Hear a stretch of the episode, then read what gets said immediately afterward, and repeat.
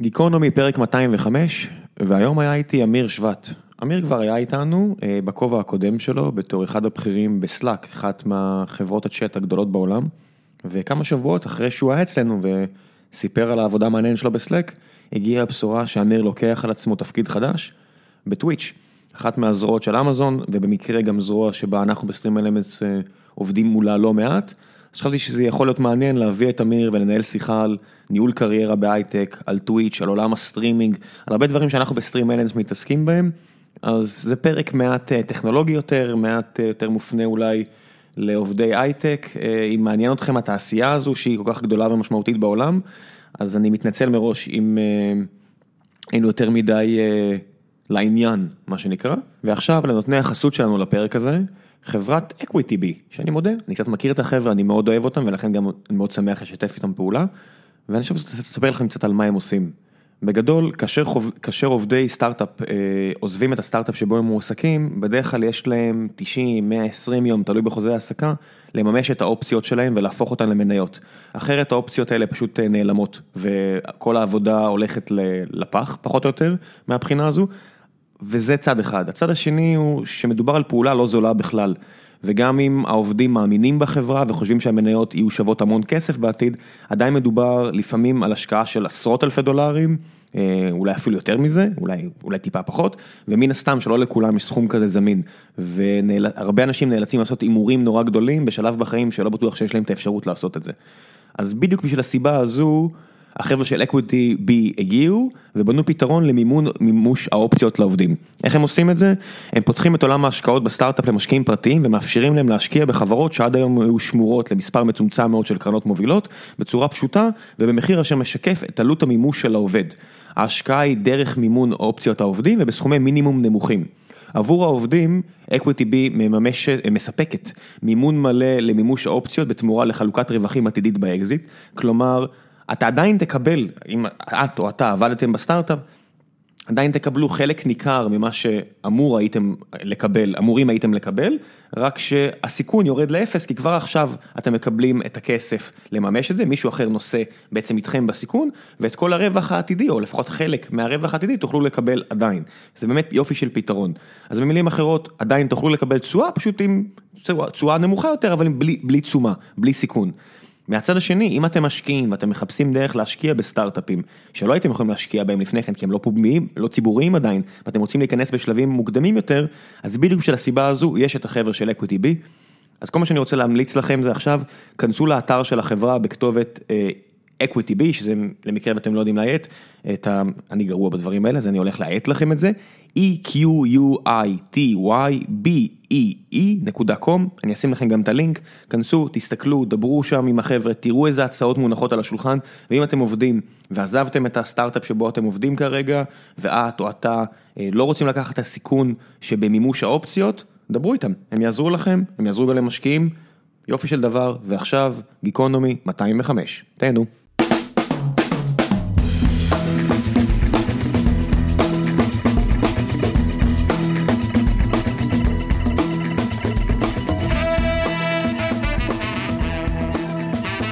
גיקונומי פרק 205 והבוקר נמצא איתי שוב אמיר שבט, מה העניינים? בוקר טוב. אתה יודע, פעם שעברה אה, כשהיית פה, אני אפתח את זה כנה, דיברת בכזו התלהבות על סלק, אה, אחד מהמוצרים ש... אני מרגיש שזה היום יום יום יום נהיה היום יום שלי. כן, אני, תודה. אני ב-50-50 נראה לי אה, מול קוד לעומת סלק כמנהל פיתוח בחברה. זה המציאות, אני לא, לא בטוח אם אני אוהב את זה, אבל זה, זו המציאות. ו... דיברת על זה כאלה מילים אה, טובות וגבוהות, ואז אני מקבל הודעה, אמיר שבט has left the building. אה, כן, אני עדיין מאוד מאוד מתרגש ומאמין בחברה. אה, עזבתי, עזבתי חברה שמאוד מאוד אהבתי. איך עושים צעד כזה? אמ, עושים את זה עם הרבה דמעות, את היום האחרון שכתבתי את הריוויוז לעובדים שלי היה אמ, יום מאוד אה, מרגש, ושעזבתי אותם אה, היה הרבה דמעות ואני עדיין נפגש איתם הרבה מאוד, אמ, אבל ההצעה שקיבלתי מטוויץ' הייתה מדהימה ולא יכולתי לסרב. אנשים, אה, אתה יודע, ויוצא לי קצת לדבר עם חבר'ה, מן הסתם הישראלים יותר, בערך ב-level, מה המילה בעברית? זה לא רמה, זה דרג. דרג, כן, בדרג, נכון, בדרג שלך בוואלי, וכמות ההצעות שאתה, שאתה מקבל או מקבלים, היא לא מבוטלת. אתה יודע, אם, אם מפתחים שלי פותחים בבוקר את ה-וו שלהם, או את הלינקדאין, או את כל הכלים האלו, הם מוצפים. נכון. אני מניח שגם אתה לא שונה, פשוט בהצעות שהן הרבה פחות סטנדרטיות. אני מניח שככל שאתה עולה בדרגים, ההצעות פחות סטנדרטיות. נכון. אז מה, מה באמת, אה, איזה מין חברה הייתה, מה, מה בטוויץ' גרם לך לעזוב חברה שאתה אוהב? הם, הם, הם נגעו במשהו שהוא חולשה שלי, שזה אני אוהב אתגרים קשים. כשאני מקבל אה, הצעת עבודה של, אני בעצם בודק אותה לפי כמה קשה יהיה לי לעשות את זה וכמה מאתגר זה. וככל שזה מאתגר וכמה שזה יותר מפחיד אותי, כמה שהמדד פחד שלי יותר גבוה, ככה אני יותר נוטה לעשות את זה. זה מאוד מאוד אה, לא אינטואיטיבי, אבל זה הדרך שאני חושב. עובר לך גם בראש של אה, האמת ששמעתי דברים, לא יודע מה, לא אומר על טוויץ', אבל חברות אחרות, האמת ששמעתי שיש להם הרבה בעיות והאתגר יהיה גדול מדי, או שאולי... כן, כולם עושים את זה. אתה, יש גם אתרים ש, שאתה יכול להיכנס אליהם ולשמוע מה אנשים חושבים באמת. Glassdoor וכאלו? Glassdoor, כן, וב-Blind. ו? אמ, ואתה קורא שמה, אבל בעיקר מה ששכנע אותי לעבור זה הראיונות. באתי והתאהבתי באנשים שראיינו אותי, ובדרך כלל אומרים בראיונות שזה דברים קשים ושאתה עובר חוויה קשה, והראיונות היו מאוד קשים, זה היה שמונה שעות של ראיון. שמונה שעות של ראיון אחד? שמונה שעות של כל שעה, של יום ראיונות. כן, יום ראיונות, כל כן. שמונה ראיונות, כל אה, ראיון שעה, ואנשים שפגשתי היו מדהימים, וזה, כאילו יצאתי מהיום רעיונות, יותר רוצה להצטרף לחברה מאשר לפני זה. איך משתנה הקונספט שלך מבחוץ, הרי טוויץ' היום היא חלק מאמזון, אמזון יש בגאג', אתה יודע, יש מטען, אתה אה, קראתי שנפגשת השבוע עם ג'ף בזוס, אתה יודע, האיש הזה לא רק שהוא אחד האנשים הכי עשירים בעולם, הוא גם עם אחד המוניטינים הכי ספציפיים, הכי ייחודיים, שאנשים אומרים בתעשייה אמזון, אומרים ג'ף בזוס, יש איזושהי דעה. לחיוב, לשלילה, מכל הכיוונים. ועד כמה זה משפיע עליך שאתה הולך עכשיו להיכנס למקום הזה? עד כמה זה נוכח בקבלת החלטות שלך? אז קודם כל זו חברה מדהימה, זו חברה מאוד מצליחה, זו חברה שהיא בכל אספקט של החיים שלי, בוואלי. זאת אומרת, יש לי אלקסה ואת רוב הקניות אנחנו עושים באמזון הזה, משהו שנמצא אצלך בחיים, שזה כיף לעבוד, גם שעבדתי גם במייקרוסופט וגם בגוגל, זה היה חלק מה, מהחיים שלך, אתה עובד בחברה שהיא משפיעה על החיים שלך, על החיים של הילדים שלך. אה, אבל בסופו של דבר זה הכל, אה, לפי דעתי, מסתיים, מתחיל ומסתיים באנשים. זאת אומרת, האנשים שפגשתי, היו אנשים שבא לי היה לעבוד איתם. המראיינים. המראיינים. והשיחות שהיו לי היו שיחות מעניינות ומאתגרות. והבעיות שהם נתנו לי הן בעיות לא פתורות.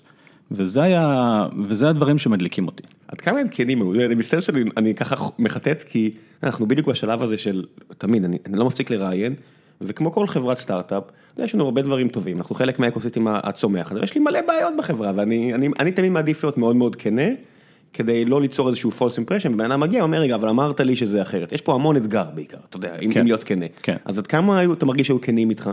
באמזון בדרך כלל מאוד מאוד מאוד כנים, זאת אומרת זה, זה רדיקלי כמה שזה כנה. זאת אומרת, ברגע שעשית משהו לא טוב, הנטייה הרגילה של אנשים זה להגיד לא, זה לא עבד, היה את הדבר הזה, היה את הדבר הזה.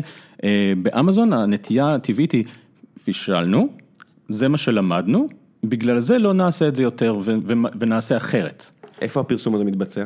איך המכניקה אפילו של ה... בכל דבר. של הלקיחת אחריות, זה מעניין לי הדברים. כמות, בשלושה חודשים, כמות הפעמים שאמרתי, וואלה, טעיתי, וזה מה שלמדתי, וזה שיחות שהיו לי עם הבוס שלי, אה, הן הכי גבוהות שהיו לי עד עכשיו. זאת אומרת, היכולת שלך לנתח את מה שעשית, להבין מה עשית לא נכון, או מה שיכולת לעשות יותר טוב, זה משהו שהוא מאוד מושרש בחברה. וזה משהו שאני חושב שהוא מאוד מאוד ייחודי ומאוד חיובי מבחינתי, כי אני מאוד מאוד אוהב, כמו שאתה אומר, אה, להיות כנה עם עצמך. אז באמזון בכלל התפיסה היא, אנחנו מאוד מאוד כנים עם עצמנו.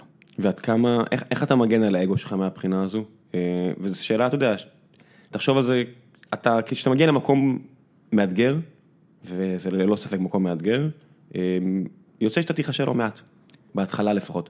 איך אתה מגן על האגו שלך מלהגיע לאיזושהי נקודה שאתה אומר, וואו, איך אני לא מצליח אה, לשפר את זה כבר כל כך מהר, אתה יודע, איך אני לא, איך אני נופל כל כך הרבה פעמים אחרי שהתרגלתי להצליח, אני יודע. כן, אז זה שני, דבר, שני דברים, אחד זה מה שנקרא growth mindset, אני לא יודע אם כאילו דיברת, אני חושב שדיברנו על זה פעם קודמת, שזה היכולת שלך לגדול, שהחיים שלך הם לא, אתה לא מצב קיים אלא אתה מצב גדל. ואז הרעיון הוא שכל פעם שאתה עושה, כשאתה חווה כזאת בעיה או כישלון או איזשהו דבר כזה, אתה לומד ממנו ואתה הופך להיות יותר טוב. שזה כבר, זה, זה לאגו זה טוב, הנה עשיתי משהו ולמדתי ואני יודע שאני יותר לא אעשה אותו ואני אלמד ממנו, זה אחד.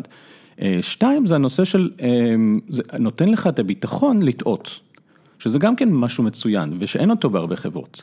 זה יכולת להגיד, בסדר, אנחנו נעשה דברים ואנחנו ננסה אותם, אנחנו נעשה אקספרימנטים, אנחנו נעשה ניסיונות, מתוך הבנה שחלק מהניסיונות האלה ייכשלו, וזה משהו שהוא מאוד מאוד אה, מושרש בתוך ההוויה הסיליקון וואלית. ואיך אתה, איך עושים איך מייצרים את האיזון הזה, זה משהו שמן הסתם, שוב, מאוד חשוב לי ברמה האישית, אני מצטער אם אני תמיד משעמם את המאזינים, לא, לא. אבל איך איך עושים את האיזון הזה בין לעודד לקיחת אחריות, לעודד אה, ניסיונות ו, והודעה בטעות ולנסות להפיק את ה, את ה, בעצם את הדרך הבאה, את הדרך הטובה יותר, לעומת כן להבהיר שפאק-אפים, אתה יודע, בסופו של דבר, אם אם משהו לא יסתדר, מישהו פה פישל וגם צריך אתה יודע, כן. להבהיר שפאשלות זה לא, אנחנו לא יכולים לחיות עם פאשלות, אנחנו בעידן של, בדיוק אה, דורון אה, דיבר איתי על זה, אמר, נפלנו לאיזה כמה דקות, נפלו המערכות שלנו לכמה דקות, והוא אמר לי, איך יכול להיות, והיה לנו שיחה כזאת קשה של איך יכול להיות שנפלנו לכמה דקות, אמנם זה לא בפיק אברס, אבל איך יכול להיות שאנחנו מגיעים למצב שנופלים לכמה דקות, ואני אומר לו,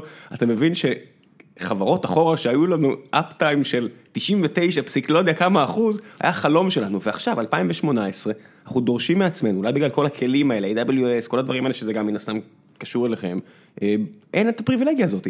אתה, אתה באמת דורש מעצמך 100% אפ טיים, הכל עובד, הכל מנגן, כל נפילה אנחנו, אנחנו מאוד קשים עם עצמנו. ואני אומר לעצמי, איך אתה מגיע למקום שאתה מעודד את העובדים שלך גם מצד אחד, לקחת אחריות, אבל גם מצד שני, לדרוש את הרמה הזו של המצוינות. אז אני חושב שזה הכל נוגע לתהליך שנקרא so what. שאני אסביר אותו, זאת אומרת בעצם כשאנחנו עושים ניתוח של משהו שקרה, אז זה לא רק, זה ניתוח, מה היה, מה קרה, נפל השרת, מה היה ה-root cause analysis, עשינו, לא, לא, לא הסתכלנו על הלוגים שלנו והתנפח לנו הפולדר של הלוגים והשרת קרס בגלל הדבר הזה. ואז מגיע השלב הכי חשוב שהוא בדרך כלל מוותרים עליו בניתוח כזה, שזה so what. שזה מה נעשה עכשיו, מה, מה הלקחים שנלמדו ואיך נגרום לזה שזה יותר לא יקרה. וזה משהו שהוא מאוד מאוד מושרש בתוך התרבות שלנו בעצם, שאם אתה, אתה מצליח ליצור את ה-so what ולטעות לפח, מקסימום פעם אחת במשהו, אז יש לך תהליך שהוא לומד ואתה תגיע ל, ליעדים שלך, כי בסופו של דבר אתה תעשה את הניסיון הזה עוד פעם ועוד פעם עד שתצליח ללמוד.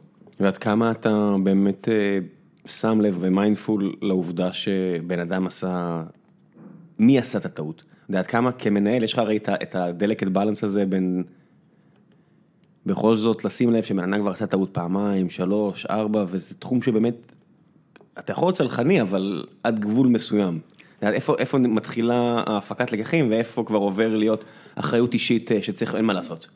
אני חושב שלקיחת אחריות זה תמיד משהו שהוא חשוב, אם אתה עושה, אם אתה לא מצליח להגיע ליעד שלך, שזה עוד דבר חשוב, זאת אומרת, יש את כל הניתוח של מה נכשלנו ומכל הדבר הזה, אבל אם יש לך יעד, ואתה צריך להגיע אליו תוך איזשהו תאריך, אם לא תגיע לתאריך, לא משנה כמה אקספרימנטים עשית וכמה נכשלת ולמדת והפכת להיות בן אדם הרבה הרבה יותר טוב, לא הגעת ליעד, הפרפורמנס שלך נמוך. וזה זה, זה המשלים של הדבר הזה, זאת אומרת מצד אחד אתה צריך ללמוד ולהשתפר, מצד שני יש לך אה, יעדים שהם מאוד מאוד מוגדרים והם מדידים, ואם אתה לא נמצא, לא מגיע ליעדים שלך אז אתה נכשל. אתה מרגיש שהתעשייה במקום טוב מהבחינה הזו? מהבחינה הזו? תעשייה במקום טוב מהבחינה הזאת, יש דת חדשה של, אה, של, של, אה, של ידע, של דאטה, data science.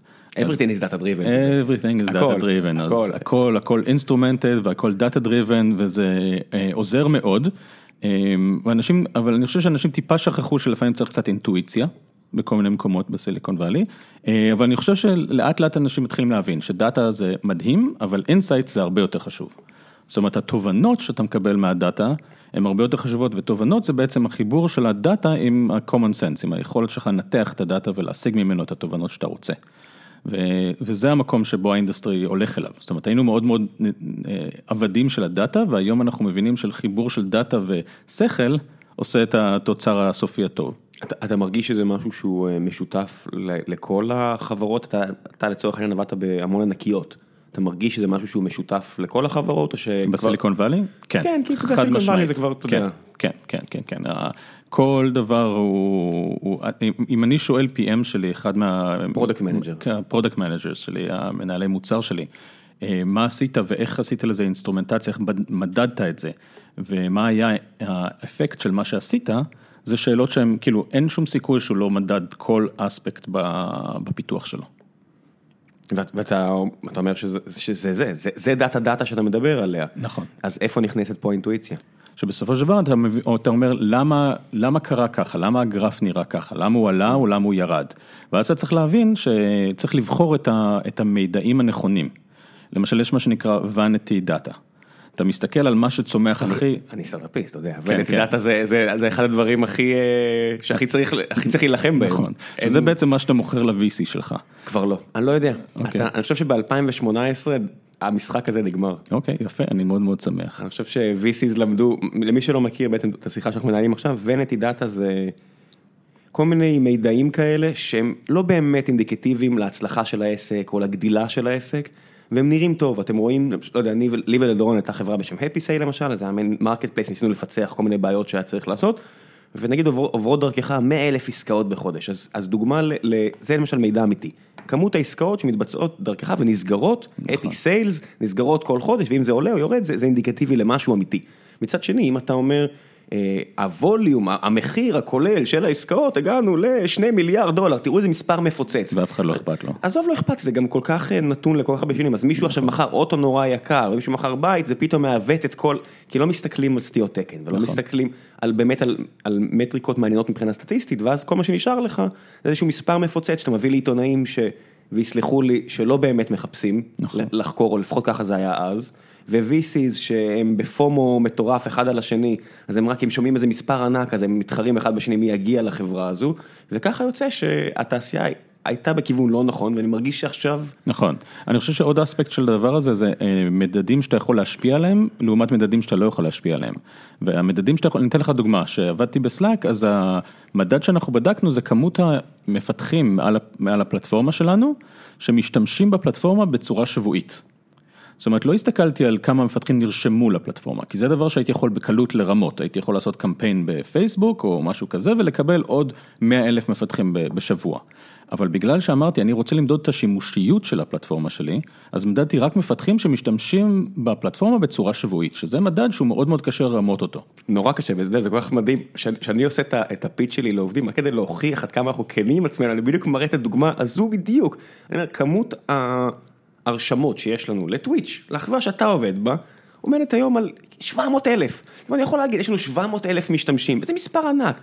ואם אם אני אגיד את המספר הזה, ויעמוד מולי בן אדם שיתלהב מזה ולא ישאל שאלות, עשיתי טעות, שנינו עשינו טעות.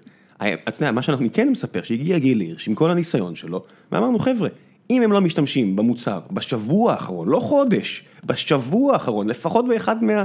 אה, key features שלנו, אפילו לא הדברים בפריפריה, תעיפו אותו, אני לא רוצה שתקראו לו user, יש לנו מילה לזה weekly active streamer, WAS, אם הוא לא WAS, אנחנו פחות מתייחסים לזה, לא שאנחנו לא מתייחסים לזה, אבל זה לא, שאנחנו סופרים אה, משתמשים, זה רק שבוע אחרון, והמדד שלנו לעצמנו הולך ועולה, הולך ועולה, וזה כל כך, כל כך שונה מהחוויה שלי אחורה, אתה יודע, אני מספר את הסיפור הזה, ומשתמשים, ומפתחים, או אנשי product, או מעצבים, או כל דבר כזה, או מעצבות, או מפתחות, אתה יודע, כן. יש לנו מפתחת ראשונה, אני מאוד גאה שסוף סוף מצאנו את את המיוחדת, ואני מקווה שיהיה יותר ויותר עכשיו ונגיע לאיזשהו איזון מגדרי, אז הנה אמרתי את זה, ואני מספר את הסיפור הזה, ואנשים אומרים, או, זה חברה.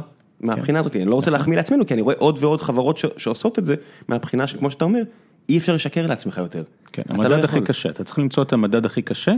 שהוא עדיין אמיתי. שהוא עדיין אמיתי, לא- ולנסות לשנות אותו. אז איך, איך, אתה יודע, שאתה מגיע לארגון כזה גדול, ושהוא חלק מארגון עוד יותר גדול, אולי אחד הגדולים בעולם עם הכי הרבה אמביציות ומטרה לכל החצי רעל של כל מי שרוצה ברעתו, איך אתה מוצא את המדד הזה אצלך, ואם אתה משנה משהו שכבר קיים, כמה מהר אתה... אז קודם כל, אה, אני, אני נכנס לארגון ואני אישור ארגון קיים, זאת אומרת, אה, יש הרבה אנשים, אה, וחזרתי גם הרבה מאוד לאנג'ינירינג, זאת אומרת, יש לי קבוצה גדולה של מפתחים בארגון שלי. אז קודם כל אני מסתכל על איפה אנחנו נמצאים ואיפה אנחנו רוצים להגיע. ואז אני מסתכל על דברים שהם מדדים שהם פחות מדדים קשים, אלא מדדים יותר רכים. האם אנחנו ריאקטיביים או פרואקטיביים למשל? האם אנחנו פוגשים את הפרטנרים שרוצים לפגוש אותנו, או את הפרטנרים שאנחנו רוצים לפגוש? שזה דברים קטנים וח... אבל מאוד מאוד חשובים. האם אנחנו מכוונים לכיוון הזה, או אם אנחנו נמשכים לאיזשהו מקום?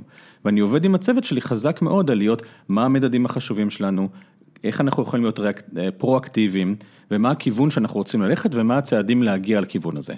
והמטרה שלי זה לעבוד עם הצוות לאט לאט כדי להגיע, לכוון את כולם לאותו כיוון, ולתת להם את היעדים ואת המטרות ואת הצעדים לכיוון הזה. ועד כמה אתה ממהר לעשות מהפכות? איך אתה יודע שאתה מגיע בתפקידך, שאתה בתפקיד יחסית בכיר בחברה יחסית רצינית, עד כמה מהר אתה מרגיש שאתה יכול להתחיל לשנות את הכיוון של הספינה, מה היחס בין הזמן שאתה לומד לזמן שאתה משנה, ואני לפני שתתחיל אני רק אספר.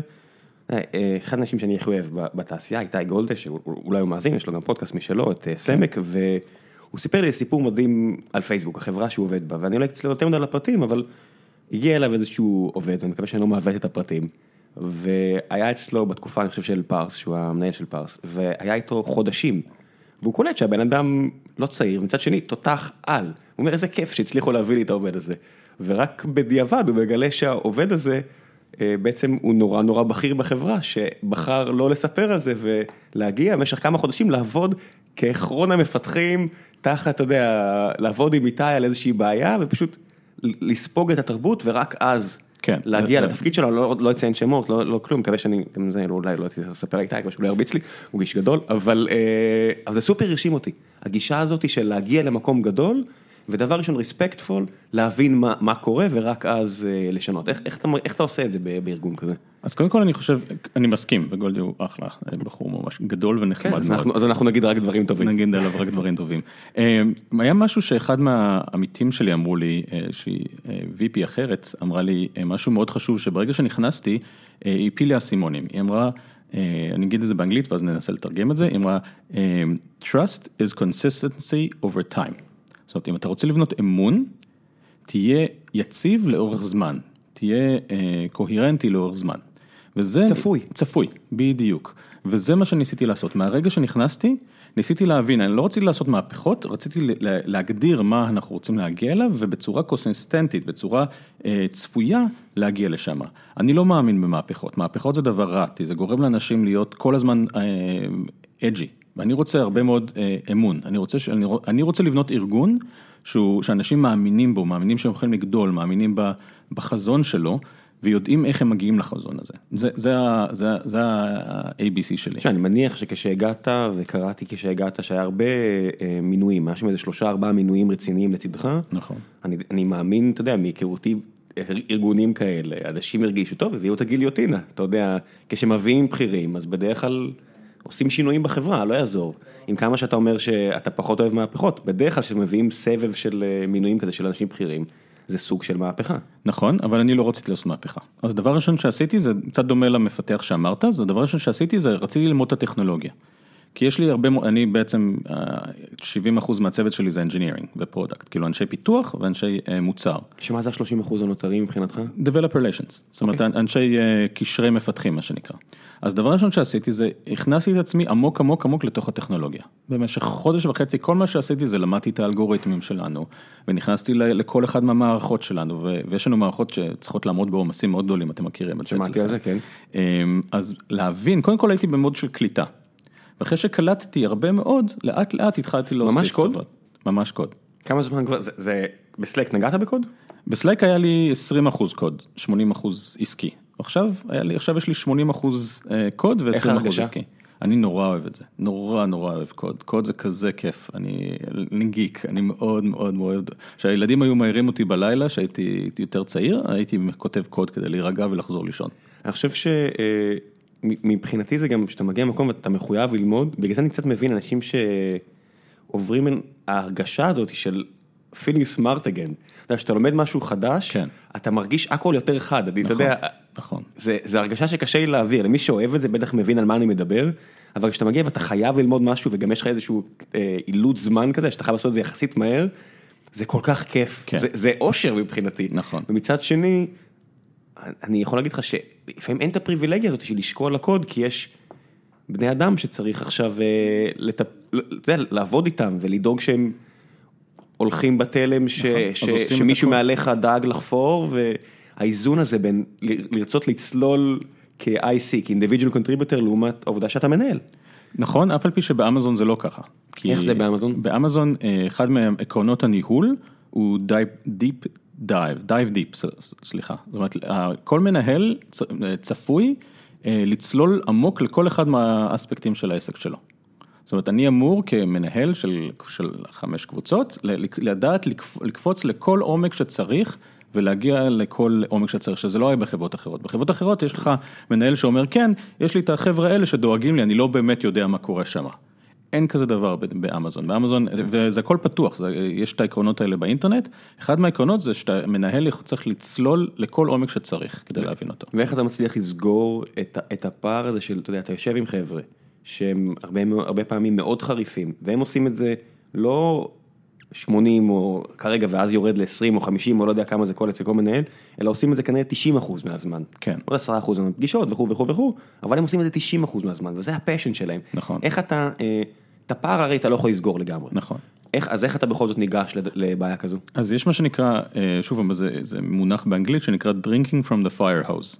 זה כאילו לשתות מתוך הצינור של הכיבוי, שזה אתה מקבל הרבה מאוד מים, תחשוב אם אתה מנסה לשתות מצינור של כיבוי, יש לך כמות מטורפת של מים שנכנסת לך לפה. וזה הרגשה בהתחלה. זאת אומרת, בהתחלה בכל החברות, זה לא רק של אמזון, זה כל, גם שעבדתי בגוגל, זה היה ככה, to drink from the fire hose. אתה מקבל המון המון, והמוח שלך מרגיש קצת כמו במטריקס, אתה זוכר שמחברים לו לראש את הזה והוא יודע קונפו? את, את הג'ק ל- ל- בדיוק, לעורף? וכן. אז ו- ככה אתה מרגיש בחודשיים הראשונים, וכל מה שאתה עושה זה לומד, ואתה נכנסת, עכשיו, בחיים לא תגיע לרמה של לדעת לדבק כל באג שיש, אבל אתה מגיע למצב שאתה מבין את כל המערכות ומה הקשיים שלהם, ואתה גם נותן אה, פן חדש, כאילו חשבתם על הדבר הזה, הסתכלתם פה, וזה הופך להיות משהו שהוא מאוד מעניין, כי הוא הופך להיות קולברטיבי, שיתופי. כי המפתחים מבינים שאתה מבין. ואז הם גם נותנים לך, מת- מתייעצים איתך, שזה הופך להיות משהו שהוא, אתה כבר לא עובר את המנהל הזה הרחוק שני, שתיים, שלוש רמות מעליי, אלא אוי, זה בן אדם שאני יכול אולי אה, להתייעץ איתו שיש לי בעיה. וזה משהו שאני אני חושב שהוא מאוד חשוב לי. כן, זה, זה, זה הזדמנות גדולה, זה תשואה גדולה ותשומה גדולה. אני יכול להגיד לך, אחד המנהלים שהכי הרשימו אותי בקריירה, היה בשום, בחור בשם רן במה שנהיה אפל ישראל, והיה איזה יום שישי אחד שהייתי צריך להגיע, והייתי כזה מבואס כזה, אתה יודע, לעבוד יום שישי בארץ, זה כמו המקביל ליום שבת בוואלי, כן. והוא חיכה לי שם, והוא ישב איתי, ולמרות שהוא היה באמת איזה שניים שלושה, הוא עדיין שם אפילו, אולי, אולי מישהו מעובדיו שומע ויציין את זה, אבל הוא היה שתיים שלוש רמות מעליי, והוא ישב איתי שם. ודיבג איתי. עכשיו אני לא יודע עד כמה הוא אה, הכיר את הקוד וכאלה, אבל לפחות היה לי את התחושה שהוא למד לפני והוא הגיע, ואתה יודע, זה ממלא אותך עם מוטיבציה. מצד שני, זה לחיוב. מצד שני, אם הוא היה זורק שם איזה אה, משפט אה, מטופש, הוא לא עשה את זה, אבל אם הוא היה עושה את זה, אז אתה מיד מאבד את כל, ה... נכון. את כל האמון, ואתה אומר, מה זה, הוא, הוא, הוא מחרטט אותי. שזה תמיד הסכנה ב- בלהגיע, שאתה באמת עם הרבה פחות אחוזים של אה, זמן לנושא, ולהגיע למישהו שהוא לגמרי שמה, לזרוק את המשפט הזה של, של לפרק את כל המגדל קלפים שאתה בונה בזהירות. נכון, יש, יש עוד דבר שאני למדתי עכשיו עם התפקיד החדש שלי, שאני צריך לדבר הרבה יותר בשקט. כשהייתי מפתח צעיר, כתבתי על זה באיזשהו מקום, שאמרתי שאני הייתי מפתח צעיר, הייתי צריך לצעוק כדי שדברים יקרו. כי היו צריכים לשמוע אותי, הייתי אומר, מה זה דפוק, זה גרוע, זה... מותר להגיד את המילים האלה? כן, במשרד פה, כן. כן, אנחנו, אנחנו מנסים, אתה יודע, זה תהליך, אבל אה, אז, כן. אז הייתי, מאוד מאוד, אה, הייתי, צריך להיות מאוד מאוד אה, קולני כדי שישמעו אותי, והיום אני צריך להתאמן בלדבר הרבה יותר חלש. כי אני, אם אני אומר משהו, יש לו, יש לו השפעה הרבה יותר גדולה, ויכול להיות שמה שאני אומר זה לא הדבר הנכון, זה לא החלטה הנכונה. אז אני צריך, אני צריך לעדן את הדברים שאני אומר כדי שהם יישמעו פחות אה, סמכותיים או אה, כאילו דיקטטורים. אז אני אומר, חשבתם על הדבר הזה, הסתכלתם פה על כמה אפשרויות, אני מנסה לעדן את זה. מאוד כדי- אמריקאי נהיית. אה, מאוד, זה לא, זה יותר אמריקאי, זה יותר לד- לדעת לדבר, לדבר עם אנשים, כי הרבה פעמים אתה מדבר עם מפתח ואתה יודע, אתה בוס שלו, ואתה רוצה שהוא יעשה משהו, אה, אבל יכול להיות שהוא מבין יותר ממך, וזה משהו שהוא צריך, צריך מה זה להבין. יכול להיות? שאתה מגיע למקום חדש, מבחינת, מהרבה בחינות, בסיכויים נורא גבוהים שהוא יודע יותר ממך. וידע, גם לעתיד ידע הרבה יותר ממך. כן, זה, זה הנקודה הזו שנורא, אתה יודע, שאני, אני שומע הרבה מנהלים שאומרים לי שהם מקודדים העובדים שלהם כל הזמן, ואני אומר, לא, הגישה שלך, שאני יותר מתחבר אליה, שאני יכול להצטרף, to chime in קצת, נכון. ואני יכול להבין בערך מה הוא עושה, אבל מגיעים כל מיני מנהלים, אומרים לי, אני יכול לכתוב את הפיצ'רים של העובדים שלי, "אה, מאוד קשה לי להאמין. מאוד, במיוחד, במיוחד אצלנו שההתמחות היא כל כך עמוקה והאתגרים הם כל כך גדולים, שאין שום סיכוי שאני אצליח לי לעשות את מה- את מה שאחד מהעובדים שלי עושה. אתה מקנא בהם קצת? מאיזה בחינה שהם יותר צעירים? עזוב אה, צעירים, אני, אני, אני מכיר הרבה מפתחים וזה גם חלק מהשאלות שמחכות לך על אנשים שפשוט נשארו ICs, אתה יודע, אתה, אתה רואה בוואלי הרבה מפתחים, אני רואה את כל ההרצאות ואתה כאילו, אני רואה בן אדם כאילו, אתה יודע, 45, 50, והוא עדיין שם, הוא עדיין, אתה יודע, עושה אלגוריתמים, הוא עדיין, אתה יודע, הוא, הוא, אני מרגיש שהוא כל כך הרבה יותר חכם ממני והוא עושה משהו שהוא, הוא, נראה לי כיף, אני הרבה פעמים מוצא את עצמי, אה, כן, מקנא, אני אגיד את זה בפה מלא, מקנא בחבר'ה שהם ICs. כן, אני, אני מקנא בהרבה אנשים, אני מקנא באנשים שיודעים, שרצים כל יום. אני, אני יודע מה כן, אני... אבל זה אתה יכול לסגור את הפער, אתה יכול להחליט שאתה רץ כל יום. אה, לא חושב, לא בטוח, כבר היום אני לא בטוח. לא. אבל אה, אנשים שהם, אני, אני חושב שבסופו של דבר אתה צריך להבין את מה, במה אתה טוב ומה אתה לא טוב ומה מניע אותך. כן, זה לגמרי הסיבה שאני כנראה וגם אתה עושים מה שאנחנו עושים, ועדיין אני מוצא את עצמי, אתה יודע, אני אומר את זה בלי בושה, מקנא בהרבה, אה, בהרבה מהעובדים שלי. בהרבה ימים אני מקנא בעובדים שלי ברמה שהם, יש להם בעיות, בעיות שהם יודעים איך לפתור והם נכנסים בהם והם לא צריכים להתמודד עם, עם אתגרים אחרים. אבל מצד שני, ברגע שאתה עושה את העבודה שלהם, אתה מבין שהם מקנאים במישהו אחר. אז אני לא אוהב לקנות, אני מאמין שכל אחד עושה את מה שהוא, אה, צריך לעשות מה שהוא אוהב לעשות. ומה אתה יודע, אז אמרתי לך עכשיו אה, שאתה נהיה יותר ויותר אמריקאי, אני מניח שאתה מרגיש את זה גם. אני חושב, אני מודה בזה. כן. כן, אין אין מה לעשות, אתה יודע, אתה- אתה אתה חי שם, לא לא יעזור. אני רואה את דורון, שמונה חודשים שם, והוא כבר מדבר בצורה שונה. לא, לא, זה תרבות נורא חזקה. נכון. אה, אה, קשה להתכחש לזה. עכשיו אתה מגיע למקום כמו אמזון, שהוא, אם אתה מסתובב בקמפוסים האלה של החברות האלה, זה לא, זה המקום הכי אה, צבעוני והכי מגוון שבן אדם יכול להגיע. אז יש קצת אנשים לבנים, ויש קצת ישראלים, ויש הרבה הודים, ויש הרבה סינים, ויש נשים, ויש גברים, ויש... אז אולי באמת יש קצת בייס לצעירים יותר, זה באמת משהו שהוא כן. הוא קיים, הוא נורא בולט בעין, אתה יודע, שאתה מסתכל ורואה את האוטובוס של גוגל מגיע, ואתה אומר, how old are these people, הם נראים באמת כאילו school bus, אבל שיהיה, אז זה באמת משהו שקיים, אבל מכל בחינה אחרת, זה נראה מגוון עצום, ואיכשהו התרבות החזקה הזו מנצחת את ה diversity, אתה, אתה מסכים עם זה? אה, אני מסכים כי התפיסה היא, היא תפיסה דומה קצת למה שיש בישראל, שזה זה טוב שבאת ממדינה אחרת, אבל בוא תתאקלם. זאת אומרת, מה שהיה בישראל, לא מה שהיה, אולי, כן. כן, מה- בישראל שאני, בתפיסה שלי. כן. אז אה, בארצות הברית אתה מגיע למקום, וזה מצוין שבאת עם הערכים והתרבויות שלך, שזה מצוין, אבל אתה עכשיו באת לארצות הברית, ובוא תתנהג בצורה שמתנהגים פה. זה ממש נהיה רומא, אה? וזה, וזה, אבל מה שמדהים זה שבאמת אתה פוגש, היכולת שלך לפגוש אנשים מכל הדתות ומכל המגוון הוא, הוא מדהים. הילד שלי הלך בסוף שבוע שעבר ליום הולדת של חבר שלו, לבנוני.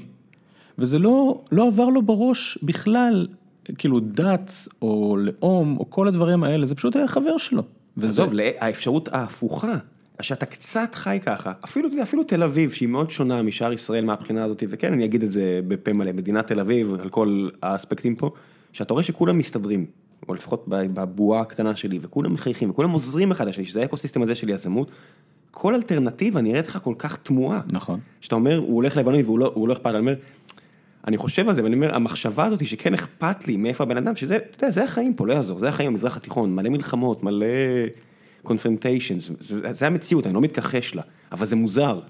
זה נכון. מוזר שאתה יודע, can we all just get along, זה, זה נראה לי הטבעי יותר. כן, אני, מס, אני מסכים, אה, כמובן זה ב, במקום שהוא אה, פריבילגי, כן, פריבילגי, בטח. וכולם מגיעים לעבוד אה, בהייטק, וכולם יש להם אה, עבודה, והם אה, ושכר טוב. ו- והגיעו הם כן. מצליחים וכל הדברים האלה, כן, בהחלט, אז אה, אין שונות בצורה אחרת, אין שונות אה, של מעמד סוציו-אקונומי, שהי- שהייתי שמח אה, לראות יותר. אולי יש, אבל זה, זה נע בין uh, very well off ל-very very very well off. אתה יודע, יש שונות, אבל היא, היא... אין אף אחד שרעב. נכון, אבל- מה שמדהים זה למשל, בבית ספר של הילדים שלי יש 26 מדינות מיוצגות. מתוך כמה? מתוך כמה מדינות בעולם? לא, מתוך כמה ילדים? זה מתוך 27... יש, יש משהו כמו 400 ילדים בבית ספר, ויש אוקיי. 27 מדינות מיוצגות. שהרוב הוא עדיין אמריקאי born and raised? לא, חד משמעית לא. הרוב הוא סיני הודי? הרוב הוא סיני הודי, כן. וזה גורם לך לחשוב? לחשוב על מה? אני לא יודע, לי זה גורם לחשוב, אני אומר כאילו אולי הילד צריך ללמוד מנדרין, אולי, אה, בוודאי. אולי, אולי אנחנו אפילו כחברה צריכים להסתכל יותר מזרחה, אני לא יודע, הרבה דברים זה גורם לי לחשוב. אני חושב, כן, קודם כל יש מה שנקרא Mandarin immersion, הילדים יכולים ללכת לבית ספר אה, ציבורי, שבו מדברים בסינית במקום באנגלית, ועושים את כל השיעורים בסינית. מה, מה, זה, בית ספר טוב? הוא עם ציון בית ספר גבוה? מצוין, כן. הוא כן, מה-8, כן. אם אתה- 9, 10? כן, גם יש אה, Spanish immersion, אתה יכול לבחור בתי ספר שבעצם הבית ספר מדבר בשפה אחרת. ספניש אמרג'ן זה לא נראה לי כזה farfetch כי קליפורניה, המדינה שאתה חי בה, נכון. היא הייתה פעם מקסיקו והיא עדיין עם רוב אה, של לטינוס, או לפחות אה, זה, לא, מי- ייצוג, זה לא מיעוט, כן. ייצוג מאוד מאוד גבוה. נכון. כשאתה מדבר על סינים, זה, זה, זה מהפכה שקורית, אתה יודע, בזמן חיינו, מה שאתה אומר עכשיו זה... כן, הרעיון. הוא שבעצם אפשר ללמוד כל שפה ושפה היא כלי, שהילדים שלי הגיעו לסיליקון וואלי, עשו להם בדיקה וראו שהם לא מבינים אנגלית, שזה דה, בסדר, כיתה א', כן, לא מבינים בדיקה, אנגלית. כן, מדברים עליהם, לא מבין, אוקיי, כן, הנה ואז בדיקה. הביאו לנו אה, מורה דוברת עברית, שתעזור לילדים להתאקלם. וכשאמרתי להם, מה, זה איזשהו קומבינה ישראלית? הם אמרו לי, לא, יש לנו, יש לנו מורים שתומכים ב-16 שפות. אז ילדים מגיעים לסיליקון וואלי עם, אה, ומורים שמדברים בשפה שלהם, מכניסים אותם לתוך המערכת החינוכית. זה, זה, זה הדבר הכי פריבילגי שאנחנו יכולים להגיד, אתה יודע, זה, זה נתפס כאיזו אוטופיה בצדק. וזה בית ספר ציבורי, כן, ספר אני יודע. אני מדבר, כן. אוטופי במובן של אה, הרבה אנשים יש את הגישה הזו, זה עדיין לא כולם, כי מה שנקרא ואלי מלא באנשים שאין להם עדיין את הנגיעה לשם, אנחנו עדיין, זה לא, זה לא, אנשים חושבים את הוואלי בתור איזה מקום קטן, אבל זה מקום שחיים בו כמעט חמישה מיליון אנשים, אם אני לא טועה, והרוב שם עדיין לא, כן, קודם כל ארה"ב זה לא, זה לא הסיליקון וואלי. ו- זה לא ניו יורק, נכון. זה לא ניו יורק, נכון. ואתה יודע, עכשיו אה, לפני שהגעת ארצה, יש קצת איזה להבה בטוויטר ישראל, שזה אמיתי, יש, יש כבר דבר כזה טוויטר ישראל, ישראלים אוהבים לכתוב, אז הם מוצאים כל מקום לעשות את זה. יפה. ויש בדיוק אה, סערה על העניין הזה, על איך, אה, אני חושב איזה אקזיט של איזה חברה שמשכה קצת תשומת לב, אני פשוט לא זוכר את השם שלהם, אני חושב שלופ הם נקראים, אני לא זוכר אם זה, זה השם או לא, אבל אה, Loop Commerce? אני חושב, איך הם נקראים? Loop? Loop Commerce. אוקיי, אז כן. Loop Commerce, והם נמכרו בסכום מאוד נחמד, איזה 300 מיליון דולר, איזה מספר אה, יפה כזה, והתחיל שם איזושהי סערה של איזה privilege, באיזה זכות אה, יש את המספרים האלה, הם לא עוזרים לשנות את העולם. ו... ואתה יודע, אין מה לעשות, זה גורם אה, לחשוב, כי, ואני חושב שסטארט-אפיסטים, וה valley במיוחד, קצת אשמים בתפיסה הזאת, כי הרבה מאוד שנים ב valley, אמרו יותר מדי פעמים את ה phrase הזה, We are changing the world, אה, אז גם אם אתה משנה את העולם, אולי ה Kool-Aid הזה של אנחנו משפרים אותו בלי הפסקה, אה, קצת אחראי ל- ל- למה שאנחנו חווים היום, שבוואלי אני מניח שאתה מרגיש את זה. אז בוא ניתן לך היה- את ה- את ה... מה שנקרא על פושבק, אני אה, כן. ניתן לך את האלטרנטיבה. אם אתה מסתכל על חברה כמו גוגל או כמו אמזון, לעומת כל ממשלה שהיא, מה ההשפעה של החברה הזאת על החיים שלך? אני חושב שגוגל ואמזון אבל אה, זה ה-use case הקל, אפילו החבר'ה האלה הם ציינו במפורש, הם אמרו, כן, אני ואני חושב שזאת כתבה שאמרה, אני מדברת במפורש לא על הווייזים של העולם. גוגל באמת שינתה המון את העולם. אבל זה המטרה. נכון, אבל שאני, ואני כאן, אני אומר, אני, מה, דבר אחד שאני יכול להגיד בוודאות על סטרים אלמנטס, we do no evil. אני לא מרגיש שאנחנו לא אופציות בינאריות שאני אומר שזה, שזה בעייתי מאוד ואני לא חושב שהייתי עובד במקום כזה, אנחנו לא הימורים שאומנם אני אוהב, אני אוהב להמר ספורט אבל אני לא הייתי בטוח שהייתי רוצה לעשות את זה כמקצוע, כנראה שלא, אני אומר את זה לא, אנחנו לא פורנו, לא כל מיני דברים כאלה שיוסי ורדיץ' השקיע בנו אז היה אומר, אני I'm out וכל מיני כאלה. אה, אז, אז רע אנחנו לא עושים. ואני אומר, כמה טוב אנחנו עושים. אז אנחנו מתעסקים בבידור. ובידור בעיניי זה טוב. נכון. אבל האם אנחנו, אתה יודע, מייצרים תרופה לסרטן? ואני אומר, לא, אבל מצד שני זה גם לא פייר לעשות את כל ההשוואות, כאילו, אתה יודע, מישהו שעושה מסעדה והולך לו טוב, ויש בזה הרבה אה, כסף, שזה משהו שהוא, אתה יודע, הוא חשוב לדיון הזה. כן. האם זה, או האם הוא עושה משהו רע? האם הוא צריך להרגיש רע עם עצמו? אני חושב שמה שהם עושים זה טוב, אתם עוזרים לאנשים, כן. ל- ל- ל- ליהנות. גם ליהנות וגם לעשות אה, קריירה אז הנה, כסטרימרים. הנה הנקודה, ו, וזה עוד משהו, אתה יודע, אחד מהדברים שאנחנו עושים, זה, וגם אתם מן הסתם, אנחנו מורידים את המידלמן. אתה יודע, את הקומקאסטים של העולם, את החברות הפקה, מבחינתי החזון שלי הוא הרבה מעבר ל gaming עבור, עבור סטרימינג, שאתה יודע, אתה עובד במקום שזה הרוב גיימרים, לא יעזור. אבל החזון שלי לסיפור הזה הוא הרבה הרבה הרבה הרבה יותר גדול, אני חושב של כולנו פה. אנחנו מדברים פה על, על שינוי פרדיגמה של כל מי שרוצה ליצור תוכן, לא יהיה תלוי יותר באף אחד מלבד ב, ב, בכלים שחברות כמו טוויץ' עושה. אנחנו שמאפשרות- קוראים להם creators. כן, אנשים creators. שיוצרים. גם אנחנו מתעסקים בזה, אנחנו, אנחנו מתעסקים בזה בצורה אבסטרקטית של creators, ואני אומר, האם זה טוב? אני לא יודע אם בכלל הדיון הזה צריך להיות בדיכוטומיה כזאת של טוב ורע, אלא שינוי, כי... והנה משהו, אתה יודע, ו- וזה מעסיק אותי, כן, אני חושב על זה, כי אני אומר, אה, הרבה מהדברים שאת בטח עושים באמזון, עצם העובדה שיש AWS, אני לא חושב שאמזון ניסו לשפר את העולם, בסופו של דבר הם ניסו to make money, וזו חברה שיש לה בעלי בעלי מניות, והם צריכים לעשות את זה. אבל עצם העובדה שיש AWS, ועצ- ו- ושירותי הענן של אמזון, למי שלא מכיר, ועצם העובדה ש... אה, דיברנו על משחקים, אז NVIDIA עשו את ה-GPU שלהם, ועכשיו חברות תרופות, אם דיברנו על תרופות, יכולות להשתמש בכלים האלה, to do really really good, נכון. אוקיי? לא שהן מושלמות, אבל הטוב מסביב. אני, אני מאוד, הטוב מאוד, מסביב? מאוד, מאוד מאמין בזה. למשל היו, אני חושב שאחד מהחברות, הנושאים של security, קודמו על ידי חברות ההימורים. כי לחברות ההימורים נורא רצו לפרוץ, ואז הם השקיעו הרבה מאוד בנושא באמת? של ביטוח, של לא ידעתי ביטחון. ו security, ובסופו של דבר אנחנו בעולם יותר בטוח בגלל הדבר הזה. אז אני חושב שכאילו, אם אתה מנסה לעשות משהו שנותן ערך ללקוח שלך, שזה מה שאני חושב בסופו של דבר. ערך, זה זה המילה, לערך, אני לא בטוח שיש טוב או רע, יש נכון, ערך. נכון. אם אתה נותן ערך ללקוח שלך, אז קודם כל הערך הזה שווה משהו ואתה תצליח, ואתה תצליח בכמות שווה לערך שתיתן. וזה, וזה המפתח, המפתח הוא לא לעשות טוב בעולם, כי טוב, מה, מה זה טוב? טוב זה, לא, זה משהו שהוא מאוד אבסטרקטי. טוב- סובייקטיבי. נכון, טוב של מישהו אחד זה, זה רע של מישהו אחר, והיו כמה חברות היום שעשו, ניסו לעשות המון טוב ויצא להם פחות טוב.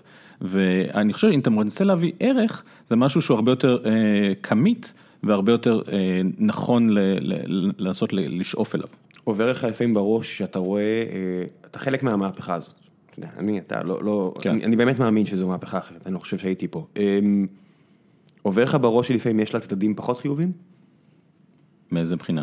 לא, אני, אני אומר, אני רואה את הצורת אה, בידור הזו, ואני אומר, אה, כמו כל צורת אה, בידור חדשה, או צורת תוכן או מדיום חדש, יש בה אספקטים שאני פחות אוהב. אני חושב שבכל דבר שאנחנו עושים יש, יש דברים כאלה, בסרצ', בגוגל בסרצ', איזה, מה אתה מעלה אה, בתוצאות, יכול להיות טוב ויכול להיות רע, לפי החיפוש. אתה מייצר כלי. נכון, אתה משתמש בטלפון של אנדרואיד ואנשים משתמשים בו לרעה. אני חושב שבכל טכנולוגיה אתה יכול, יש את המצ- את המצב שישתמשו בטכנולוגיה שלך לטוב ויש המצב שישתמשו בטכנולוגיה שלך לרעה. ומה שאתה צריך לעשות זה לבנות את הכלים שמכווינים את המוצר לכיוון הטוב. אם אתה מסתכל למשל על פינטרסט לעומת טוויטר, טוויטר בדרך כלל משך לכיוון הפחות טוב, ו- ופינטרסט עבר לכיוון היותר טוב, היה הרבה יותר חוויות טובות ב- בפינטרסט, וזה... אני חושב שזה היה כזה בחוויות עם low pass filter בפינטרסט, אתה יודע, זה כזה, it's nice. אני לא יודע אם זה טוב או רע, it's nice. אבל זה חיובי גם, אבל אני כן, חושב זה חיובי, זה בטח לא שלילי. נכון, אז מה שאני אומר זה שאנחנו כאנשי מוצר צריכים לנסות לכוון את ה... אה, במיוחד שאנחנו עושים פתרונות שהם קהילתיים, לנסות לכוון את הקהילה לכיוון חיובי. כן, אתה חושב שזה חלק מהאחריות שלך בתור... אני חושב שזו אחריות של כל בן אדם שעושה כל מוצר. הרי יש פה את האלטרנטיבה ולהגיד שאני רוצה, אה, זה נשמע קצת בטח אנרכיסטי, אבל אני רוצה ליצור חופש. אני רוצה ליצור, לראות מה אנשים יעשו עם זה, בראש ובראשונה, לתת להם גם את החופש, אה, שאני לא אהיה זה שיכריע עבורם, וזה משהו שיש לנו הרבה דיונים כאלה בחברה, של האם זה מקומנו אה, לקבוע מהו טוב ומהו רע. אז, אז אנחנו עכשיו מגיעים לקצת נושאים שהם יותר אה, ניהול של קהילות, ואני חושב שבניהול של קהילות אתה לא צריך לקבוע, אבל אתה צריך לתת הכוונה. אני חושב שלבנות קהילה עם הכוונה זה דבר מאוד מאוד טוב, כי קהילה בלי הכוונה היא קהילה מבוזרת מדי. כן, אתה חושב ש... ומבוזרת מדי, אתה מרגיש שזה בעייתי? אני, אני אישית מעדיף כן, קהילות, זה- אני, זה אני רק אישית. מעדיף קהילות מוכוונות, כי אז אתה יכול לכוון אותם לכיוונים חיוביים. כן, למי שרגע, בוא נשים פה איזה disclaimer, אנחנו, גם אני, גם אתה, לא מדברים בשם החברות או דברים כן, כן, כאלה, כן, אני אנחנו מדברים מדבר כאנשים בצורה, פרטיים. כן, כן, כן. וגם אני מדבר בצורה, לא, לא קשור בכלל לאיפה שאני עובד, אני עבדתי עם קהילות במשך שנים. זה מה שעשית. כן, כן, ניהלתי קהילות ואני חושב שאחד מהדברים החשובים זה להיות מודע למה אתה רוצה ליצור עם הקהילה שלך. גם אם זה מתנגש לפעמים עם ערכים אחרים. זאת אומרת, למשל עם ערך של חופש, אתה יודע, הצנזורה בסופו של דבר, כן, זה פגיעה בחופש של מישהו. לא, לא יעזור כלום, שאנחנו עכשיו בונים כלים, קוראים לזה profanity filter, כדי לעזור.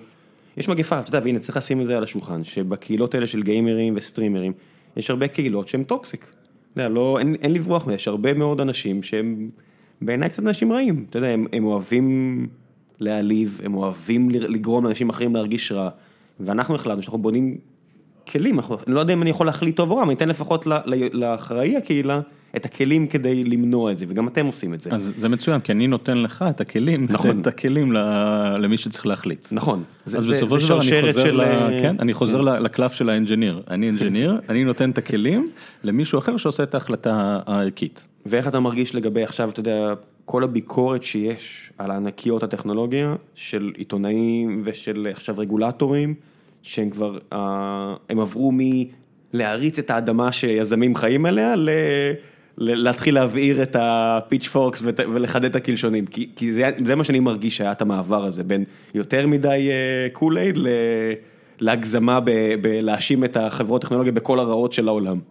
אז קודם כל אני חושב ברמה אמיתית, כמה שאני, כאילו הכי אמיתית שאני יכול, זה שאנשים בחברות הגדולות רוצים לעשות טוב. זאת אומרת, לא מצאתי בן אדם באף חברה, ויש לי הרבה מאוד חברים בפייסבוק, במייקרוסופט, באמזון, בכל החברות הגדולות, אף פעם לא מצאתי מישהו שאומר, אנחנו נשתמש בתוך זה, בדאטה לרעה, עם האצבע ככה, כמו דוקטור איבור כזה. כן, לא- אין, אין אף אחד כזה. כל אחד מהם רוצה לעשות באמת טוב, וזה אוסף של אנשים שבאמת רוצים לשנות את העולם ולתת ערך. עכשיו, הרבה פעמים אתה, כשאתה עושה את זה, אתה, אנחנו קצת חוזרים לתחילת הפודקאסט, אתה עושה טעויות. ואתה אתה מניח שאנשים אחרים גם כן רוצים לעשות טוב.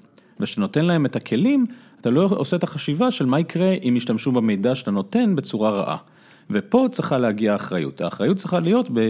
בואו נעשה ניתוח של מה אנחנו נותנים למפתחים שלנו ומה אנחנו נותנים דרך ה-APIים שלנו, והאם אפשר להשתמש בזה בצורה רעה. וזו האחריות שאנחנו צריכים לעשות כקהילה של הייטק.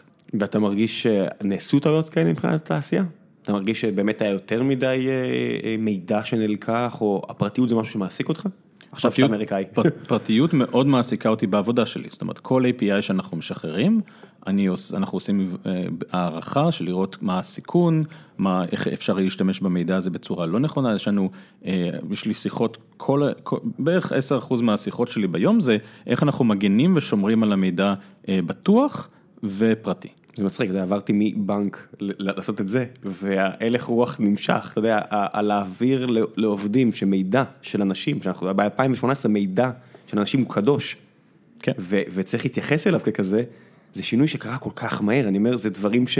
אני אומר את זה על עצמי, כן?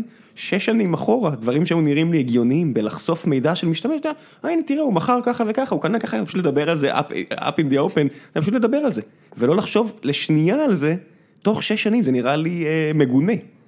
אנחנו, אנחנו נזהרים אפילו בשיחות פנימיות, רגע, זה מידע שאפשר לדבר עליו בפגישה, או מידע שאסור להגיד, זה מידע שמותר להציג למשקיע, כי זה בעצם מידע של משתמש, האם לא, האם כן, אתה יודע, הדיונים האלה כל הזמן קיימים. נכון, אבל זה לא חדש, זה כבר, אני כבר שש שנים בחברות כאלה גדולות וזה תמיד היה. שש שנים, אתה יודע, אתה לא מדבר פה על הרבה מאוד זמן, אתה מדבר פה על מהפכה, אתה יודע, מדברים על נקודות סינגולריות. נכון. מה, דברים שמשתנים תוך שש שנים, אני מרגיש שכבר we passed את הנקודה של, אתה יודע, הדברים משתנים, זה- אם עכשיו אתה נכנס לתרדמת של עשר שנים, אתה מתעורר לעולם שונה. נכון. וזה לא, אה, אתה יודע, איך, איך אתה, אתה מתחיל להסתכל יותר קדימה עכשיו, בניגוד אולי לתקופות אחרות בקריירה? מה זאת אומרת? אתה עכשיו שאתה מגיע למקום כמו טוויץ', אתה מתחיל לחשוב יותר, אה, רגע, אז איפה המקום הזה יהיה עוד חמש, עוד עשר שנים? כן, לגמרי, אני גם מצפה מהצוות שלי, כל אחד מהצוות שלי צריך לכ- לכתוב איך הארגון שלו ייראה בעוד חמש שנים. אז איך אתה רואה, הנה, אני, אני עושה פה segue, איך אתה רואה את עולם הסטרימינג ואת טוויץ', אה, איפה, איפה החברה תהיה עוד עשר שנים? איך, איך, איפה האקוסיסטם הזה יהיה עוד עשר שנים?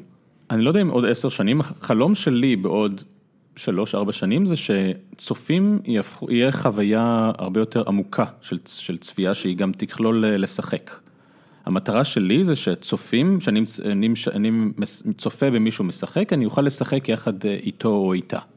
אה, יש עכשיו משהו, יש איזשהו משחק שאני מאוד מאוד אוהב שנקרא Darwin Project, אני לא יודע אם שמעת עליו, אבל זה משחק אה, סגנון של PUBG או Fortnite, אה, כאילו היחיד שזוכה הוא זה שהרג את כולם, כן. אה, אבל הקהל, הצופים, בוחר את מי הורגים.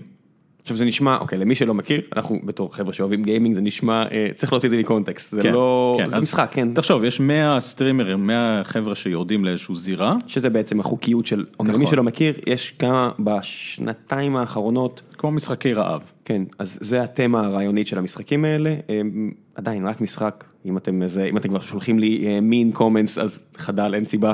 אה, התמה והמכניקה של המשחקים האלה זה 100 שחקנים מגיעים לאיזה battle royale, בעצם נכון. הם משחקים כולם נגד כולם, אה, מתוך 100 שחקנים רק אחד מנצח, וזה פעם אחרי פעם נכון. אה, ברוטינה הזו, היה משחק בשם PUBG, PlayerUnknown שהיה הצלחה עצומה. ועכשיו יש משחק בשם Fortnite שהוא הצלחה עוד יותר עצומה ואנחנו ראינו את זה קורה נכון. בשנה האחרונה וזאת אותה מכניקה עם שינויים כאלה ואחרים אתה מדבר על עוד משחק אז שהוא עוד משחק שנקרא דרווין פרויקט, שבעצם הקהל מחליט, מחליט את מי להבריא, או את מי, איזה, את מי להרוג. זה או... מכניקה של האח הגדול. וזה זה מכניקה שמשתפת של את הסדרה, הצופים. כן. עכשיו תחשוב שזה רק, זה רק דוגמה אחת, אני רוצה בכל מקום, בכל משחק, שאני כצופה יוכל גם להשתתף. וזה המפתח של, של, של, של החזון שלי. זאת אומרת, אני, שאני רוצה שבכל משחק שאני אוכל להשתתף, לא רק משחק, אני מסתכל על מישהו אה, מבשל, עושה קורס בישול, ואני רוצה שהוא יוסיף עכשיו קצת סוכר לתבשיל. כי אני חושב שזה יהיה מגניב. אז אני מוסיף, אני נותן משהו, והוא מוסיף, בגלל שאני אמרתי את זה, הוא מוסיף את הסוכר ורואים אם זה הלך או לא הלך. אני רוצה חוויה שיתופית אמיתית. ש, שזה לא איזה חזון אה, רחוק, שהמאזינים צריכים להבין שכבר עכשיו, זה מה שאני אגיד מה שחברות כמו שלנו עושות, אנחנו עוזרים לקהילות האלה, זה לא שבן אדם אחד, זה, זה, זה, זה, העניין, זה ההבדל בין מה שסוג התוכן הזה לעומת סוגי תוכן אחרים, וזה מדהים אותי כמה אנחנו יכולים לדבר עם המשקיעים הכי מפורסמים בעולם, ועם האנשים שמדהים כמה, אתה יודע, הם מוכרים, ואנחנו עושים את זה, ואומרים, מה, זה מה שקורה שם? והם אובליביוס לגמרי למהפכה הזאת שקורית, שבעצם היום הטוויצ'רים האלה, הסטרימרים, היוצר תוכן, הם לא רק משדרים והקהל צורך את התוכן, אלא הקהל הוא חלק מהחוויה. כן. וזה יכול להיות עם קהל של 100, 200, 300, 400 אלף אנשים שצופים במשדר, והם חלק מהחוויה. מהחוויה. ברגע שזה יזלוג החוצה מגיימינג, זה באמת יהיה צונאמי ענק שישנה את איך שאנחנו רואים בידור היום, אבל זה מתחיל פה. ואני מאמין, ש- וזה כבר קורה. יש לנו זה קורה. קטגוריה שנקראת In Real Life. IRL שהיא כן, שאנשים, שלישית אצלכם. נכון, ואנשים אה, אנשים מציירים, עושים אמנות בלילה, ואנשים מדברים, ואנשים עושים כל מה שהם עושים, והם משדרים את עצמם בצורה חיה, ומשתפים את הקהילה, שזה מבחינתי משהו שהוא הוא באמת מדהים. וזה לא, אתה יודע, יש את הנטייה שאתה מסתכל מהצד, אתה אומר, טוב, זה ירוד, זה סתם תוכן, ואז אתה מגלה שיש שם המון פנינים, המון המון תוכן מגניב, וקהילות מגניבות, וקהילות של, שהן מאוד חיוביות. נכון. של יוצרות שאחרת לא היה להן, כי קשה לפרוץ, או יוצרים ש... שמצאו מקום שהם לא צריכים יותר להתחשב באיזשהו מפיק שאומר, זה משיקולי רייטינג אני לא אעשה את זה, או ככה וככה. והם או- יושבים בכל מקום בעולם, הם לא כן. צריכים לשבת ב-LA או בכל מיני מקומות כאלה כדי להיות, להצליח, הם יושבים בבית שלהם ומצליחים שמה.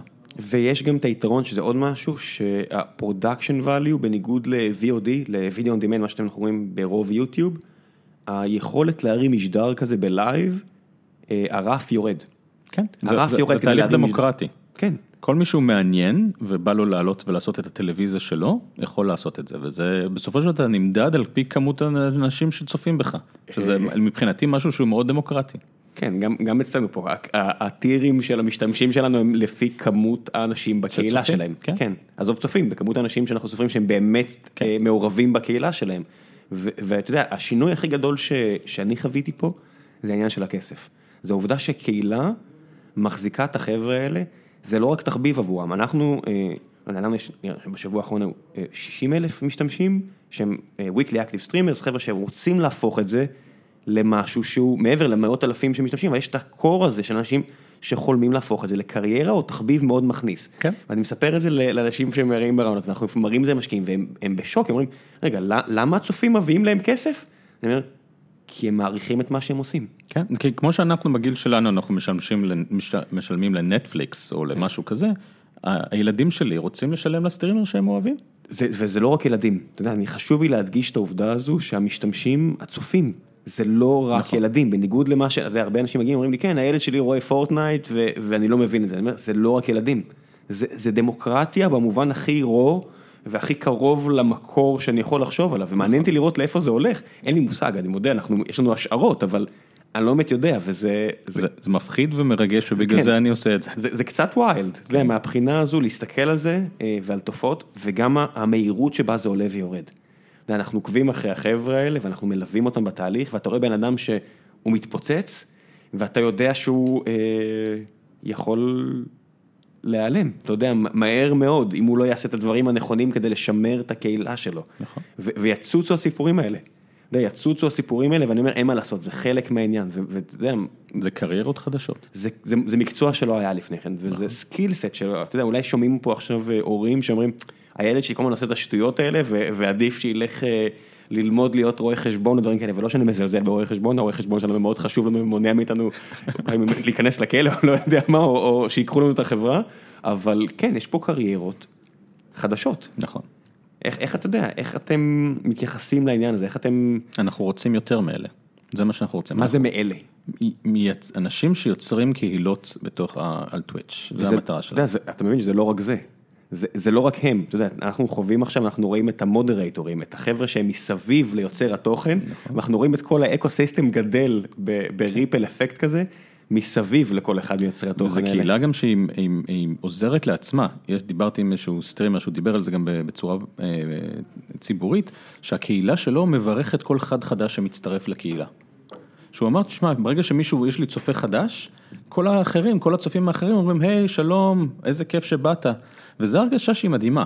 זאת אומרת, כשאתה מצטרף לקהילה, אתה גם, גם האנשים האחרים, לא רק הסטרימר הוא האיש שלך, אלא כל האנשים האחרים בקהילה הם האנשים שלך.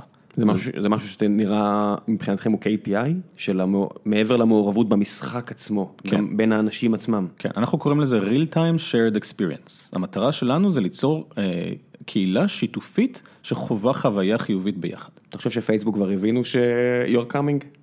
אה, אני לא יודע, אני לא מסתכל על, אה, תחרות, אני מסתכל על הלקוחות שלי. אני מניח אבל שהם כן, אני מניח שהם כן מסתכלים עליכם. בטוח הם מסתכלים על כולם. כן, אין מה לעשות, זה ככה.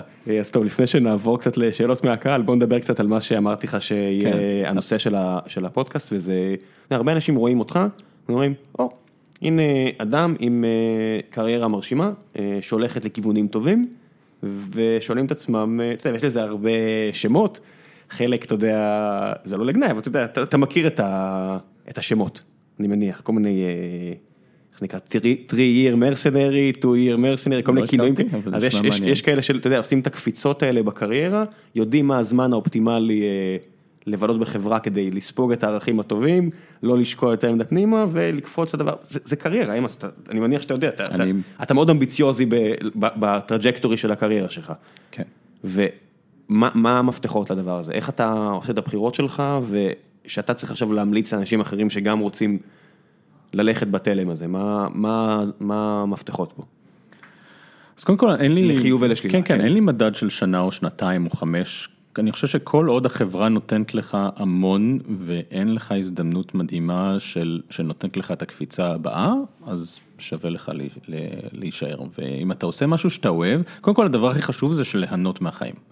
יש הרבה אנשים שאומרים אני אעשה את התפקיד הזה כדי להגיע לתפקיד הבא שאותו אני אענה לעשות. זה נורא, זה, זה מבחינתי דבר נורא לעשות. אתה רואה את האנשים האלה. כן, כן, אני זה- רואה אותם בכל מקום, הם אומרים כן, כן, אני אעשה את זה ועוד חמש שנים, ואתה פוגש אותם אחרי חמש שנים, אומרים כן, כן, יש לי עוד שנתיים, ואז אני אגיע למקום שאני באמת רוצה להיות.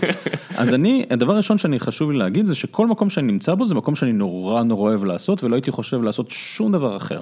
הילד שלי שאל אותי אתמול, מה הייתי עושה אם היינו זוכים בלוטו? הייתי אומר לו, בדיוק אותו דבר מה שאני עושה עכשיו. בדיוק, אין שום דבר אחר שהייתי רוצה לעשות יותר. ואז יש כל מיני פרמטרים של גורמים, מה, למה אתה מרוצה. אחד מהדברים שאני מרוצה הוא בגלל שאני מאותגר. ככל שיש לי יותר אתגר, ככל שיש לי יותר unknown unknowns, ככל שאני לא יודע, לא יודע איך מחר ייראה, ככה אני יותר מאושר. אז אני מחפש תפקידים מאתגרים. וכל הזמן, הבעיה הגדולה שלי זה כמו, זה, זה, למצוא דברים חדשים שמאתגרים אותי אה, עוד ועוד, בצורה, בצורה גדלה. כן, הייתי אומר שהבעיה שלך זה לא רק אתה, זה העובדה שכל העובדים שלך חושבים כמוך. מאוד יכול, מאוד יכול להיות, אתה צריך לעשות שילוב, זה אפשר לעשות שיחה אחרת, אבל אתה צריך לעשות שילוב של עובדים שמאוד מאוד רוצים לגדול, ושילוב של אנשים שרוצים, שהם טוב להם איפה שהם נמצאים. שנוח להם, כן. כן. ש, שנולד להם ילד עכשיו, שיש נכון. להם אולי בעיות בבית, שהם צריכים את המקום הנוח הזה, שהם יכולים להגיע לשמונה, תשע, עשר שעות ביום, נכון. to get paid well, והם מאוד מאושרים, וזה כן. גם אתה צריך להבין אם אתה בן אדם הזה או בן אדם השני. אני למשל לא יכול לעשות את זה, אני חייב להיות מאותגר, אם אני, יום שאני לא מאותגר אני משועמם ואני מתחיל להיות אה, עצוב. אז אני מחפש כל הזמן את המקומות המאותגרים, וסלאק שאני הגעתי לסלאק למשל, היה סופר סופר מאתגר, כי לא ידענו מה לעשות, כאילו היה לנו אלפיים מפתחים ואמרנו, טוב, נעשה א' או נעשה ב', אנחנו לא יודעים. אז זה המקומות שבהם אני, אני הכי נהנה. ההמלצה שלי הראשונה היא קודם כל לא לחכות לתקופה שאתה תהנה, למצוא את המקום שאתה נהנה, ו, וכל הזמן לחפש את העניין. אני אתן לך דוגמה, אחת ההחלטות הכי טובות שעשיתי בקריירה שלי זה להתפטר מאיזושהי חברה. הגעתי לאיזושהי חברה, הם נתנו לי שכר הרבה יותר גבוה מהחברה הקודמת, וטייטל מאוד מאוד גבוה, אבל אחרי אה, שבועיים אמרתי להם, תשמעו, אתם משלמים לי יותר מדי על מה שאני עושה, ואין... שבועיים? אחרי שבועיים, אמרתי להם, אתם... כבר תוך שבועיים הבנת שאתה לא עושה כן. שם מספיק? כן, הם אמרו לי, אמרתי להם, אתם משלמים יותר מדי על מה שאני עושה, ואין שום מחיר בעולם שתמשיכו לשלם לי כדי שאני אמשיך לעשות את זה. אני פשוט לא טוב. אוקיי, אוקיי. אז כיוון שאני מניח שהחברה הזו לא מופיעה ב-CV שלך, אז אני גם לא אשאל, כנראה שאתה לא רצית שידעו, אה, אז אני אכבד את זה, אבל מה קרה בשבועיים האלה שהוביל לדבר כזה? הם פשוט שמו אותי על סט של משימות שלא היו בכלל, אה, לא, לא עניינו אותי, לא אתגרו אותי, פשוט שמו אותי על, על כל הדברים שהם לא רצו לטפל בהם. היזמים, הבוסים, כן. ה-whatever? כן, אני הייתי אחראי על כל מה שאחרים לא רצו לטפל בו. והם נתנו לי את התפ... התפקיד, טייטל מדהים וכסף מדהים, הייתי מתכנת, אז אה, זה, ופשוט אמרתי להם, זה, זה, אני לא רוצה לבזבז רגע אחד בחיים שלי להמשיך לעשות את זה. זה היה דברים באמת אה, חסרי אימפקט, או שהם פשוט כן. היו משעממים? לא, זה היה חסרי אימפקט ומשעממים, הם פשוט היו צריכים שמישהו יעשה את זה. ואז הם לקחו אותי כעוד מישהו שצריך לעשות את זה. עכשיו, יכול להיות שאם הייתי מחכה שם חמש שנים, הייתי עובר למקומות המעניינים, אבל אני, החיים קצרים מדי בשביל לעשות, בשביל תפקידים אז, כאלה. אז הנה הדילמה. יש, כי יש, אה, אה, כי יש טסקים, יש אה, משימות ביום יום של חברה שהן לא סקסיות, הן לא משימות, אה, אבל הן חשובות. נכון. הן חשובות, כדי לבנות ארגון צריך לבנות, יש הרבה עבודה שחורה. ואיך איך מאזנים את זה? אתה יודע איך... כי יש אה, אנשים שאוהבים את זה, יש אנשים שאתה צריך למצוא תמהיל טוב של אנשים. יש אנשים שאם תיתן להם משימות שהן אה, קבועות וידועות, הם מעריכים את הקבוע והידוע. אני לא, אני מעריך את הלא קבוע ולא ידוע. אז אני מהסוג האנשים שתיתן לי לעשות אה, ETL ים, תן לי להעביר database אחד ל database אחר, אני אחתוך את הוורידים. אני אדע איך לעשות את זה, אבל אני פשוט אחתוך את הוורידים. הנה, יש חברות ישראליות כמו אלומה שעושות את זה עבורך. נכון, אני אומר, יש, יש המון חברות שעושות את זה, אבל אם, אם, אני, אם אני תהיה לי כאנג'יניר, תן לי לעשות כאילו סקריפטים של ETL, אני אמות.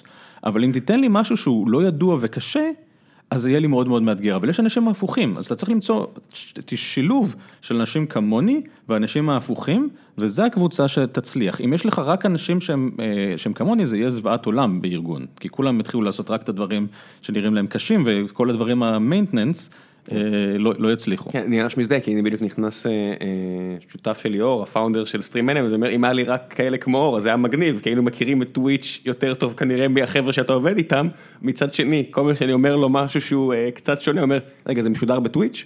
אני אומר לו, לא, אז הוא אומר, אז זה לא מעניין אותי, אז אנחנו לא, זה זה מסוג, מסוג הדברים האלה של אה, קשה, אתה יודע, זה באמת העניין של התמהיל. אני חושב שזה מאוד חשוב, אני חושב שאני אני מאוד מעריך אנשים בקבוצה שלי, שיודעים מה הם עושים, הם מאוד מאוד מקצועיים, והם לא רוצים לעשות שום דבר אחר. אתה חושב שתשתנה?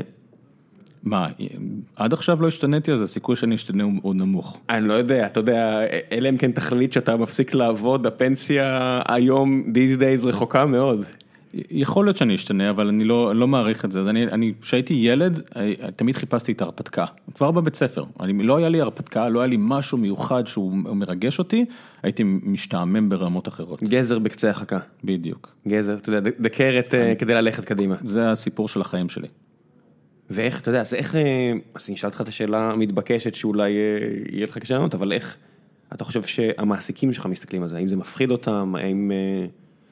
לא, לפחות, תשמע, בסיליקון וואלי, כל עוד אתה- הם כן. יודעים שאני, אה, שהתפקיד שלהם זה לגרום לזה שיהיה לי קשה ושיהיה אתגרים, אז, אז, אז הם, הם שמחים עם זה. הבוס שלי שעשה לי את הרעיון, הוא אמר לי, מה יגרום לך לעזוב? אז אמרתי לו, שעמום. אם אני אהיה משועמם יותר מדי זמן, אני עוזב, בוודאות. ואתה חושב שזה מפחיד אותם בשלב מסוים? לא, כי הם יודעים, יש, יש מה שנקרא אה, day one mentality, שכאילו כל יום אתה נמצא ביום הראשון של החברה. וזו הרגשה שאני מאוד מאוד אוהב, כי זו הרגשה שבו אתה צריך, יש לך עדיין את האתגרים לעשות. ברגע שאתה עובר ל mode maintenance, אם אי פעם אתה תמצא אותי בחברה ואני אגיד לך, תשמע, אני אחראי על maintenance, החברה הזאת היא בצרות גדולות, אני יכול להבטיח לך. אתה אומר, the mundane work אה, היא לא בשביל- לא בשבילך. אני פשוט לא טוב בזה, זה לא שאני, אני, אני יודע לעשות את זה, אני פשוט לא טוב, וזה, וזה חבל, גם שאני, ככה אני גם מסתכל על העובדים שלי. אם הם לא נמצאים במקום שהם טוב להם והם אוהבים את מה שהם עושים, אז זה, זה נורא. הם, הם, הם סובלים והם נותנים תפוקות רעות וגם קשה לי לנהל אותם. מהבחינה הזו, כשאתה מגיע לארגון כמו טוויץ' שהוא חלק מאמזון, זה שיקול עבורך? כי אתה אומר, טוב, הכי גרוע, הכי גרוע, אם אני אביא את טוויץ' למקום טוב שהם רצים יופי בלעדיי, אני אמצא מקום אחר שסובל באמזון וינסה לעבור אליו? אני אנסה, כן, אני חושב שב... זה שיקול? יש, לא, זה לא שיקול, אבל אני, שמע, כל פעם שאני, היה לי שיחה עם החבר'ה של אלקסה לפני אה, שבוע. וכל, כאילו אחרי יום של דיבור איתם על כל האתגרים שיש להם, אמרתי יואו, איך מגרד לי שהיה לי שתי חיים.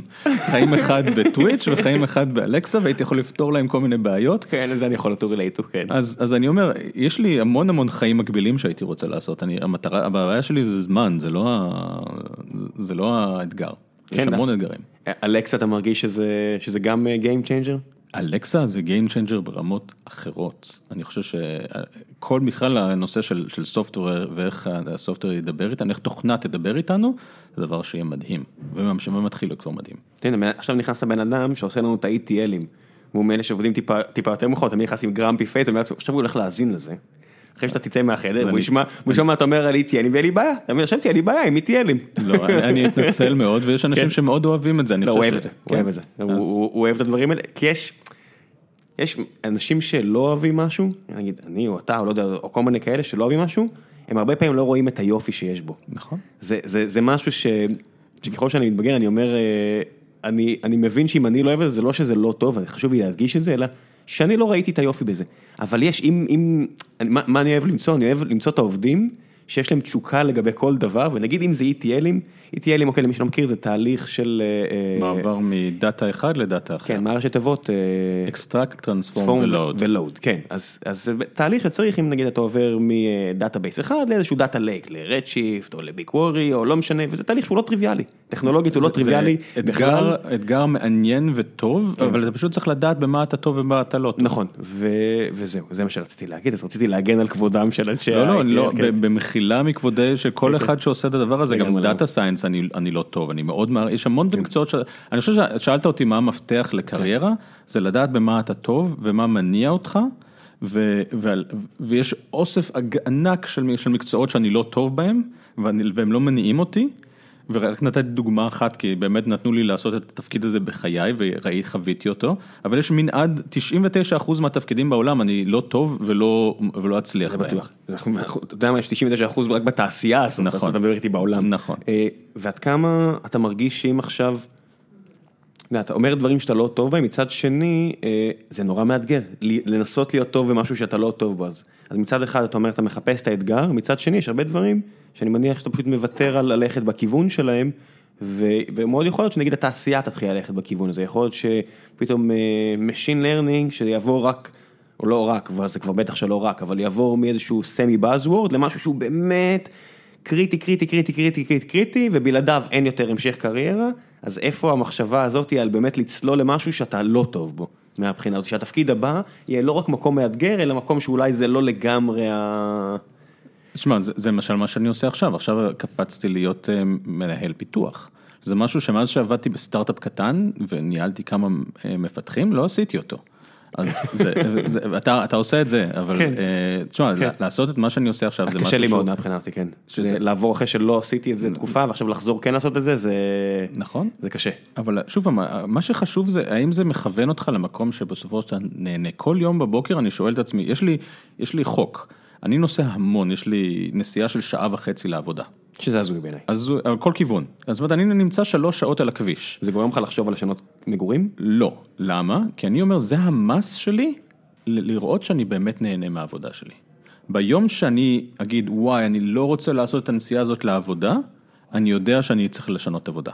זה המס, זה בודק, זה בודק בצורה מאוד מאוד חדה, שאני נורא נורא נהנה בעבודה שלי. כן, ויכול להיות שאתה פשוט לא נהנה מהשלוש שעות האלה בכביש, אתה מבין? כי יכול להיות שהמחיר יהיה גדול מה- בשלב מסוים. אז זה כבר לא, זה כבר לא שווה. אז זה היה השלב שאתה אומר, טוב, אני חוזר לוואלי, עוזב את סן פרנסיסקו? נכון. אבל, אבל בינתיים זה לא קורה, כי אני מאוד מאוד כאילו מאותגר ונהנה ממה רוב העובדים שלכם אה, גרים בסן פרנסיסקו או ב- בעמק? בסן פרנסיסקו. זאת אומרת, רוב העובדים לא, לא מוכנים לשלם את המס הזה של אה, לנסוע שעות אה, כל יום. נכון, הם גם צעירים ונהנים ב- בסיטי. כן, רוב העובדים הם צעירים אצלכם? כן, יחסית. אז, אז הנה השאלה הבאה לגבי ניהול קריירה.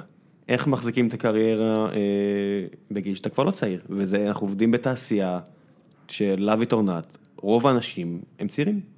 או, אני מקווה שזה משתנה, אני מרגיש שזה איפשהו משתנה, אבל זו התפיסה מבחוץ, ולפעמים אני מסתכל סביב ואני אומר, כן, זה גם קצת מה שקורה בפנים. אז צריך להבין שיש חברות שהן יותר, אה, יותר מעריכות אה, ניסיון. זאת אומרת, יש חברות בסיליקון, אנחנו, יש, ש- יש חברות בסיליקון וואלי שהן מאוד מאוד מכוונות על צעירים. אה, והייתי גם בשיחה עם כמה חבר'ה אה, בחברות סיניות, ושם בכלל, יש, אה, אם אתה עובר איזשהו גיל, מבקשים לך לפרוש, אתה מדבר על גילאים של 30. אה, שאומרים לך, תשמע, זה, אה. כן, במקומות מסוימים באסיה, הם מאוד מאוד מכ- מכוונים על קהל מאוד מאוד מאוד צעיר. עכשיו, בסיליקון וואלי מאוד מכבדים גילאים, ויש הרבה פחות אייג'יזם ממקומות אחרים, כמו למשל בישראל. לא, אתה חושב שבישראל יש יותר? אני חושב שבישראל יש יותר. קודם כל, אסור לשאול בארצות הברית מה הגיל שלך.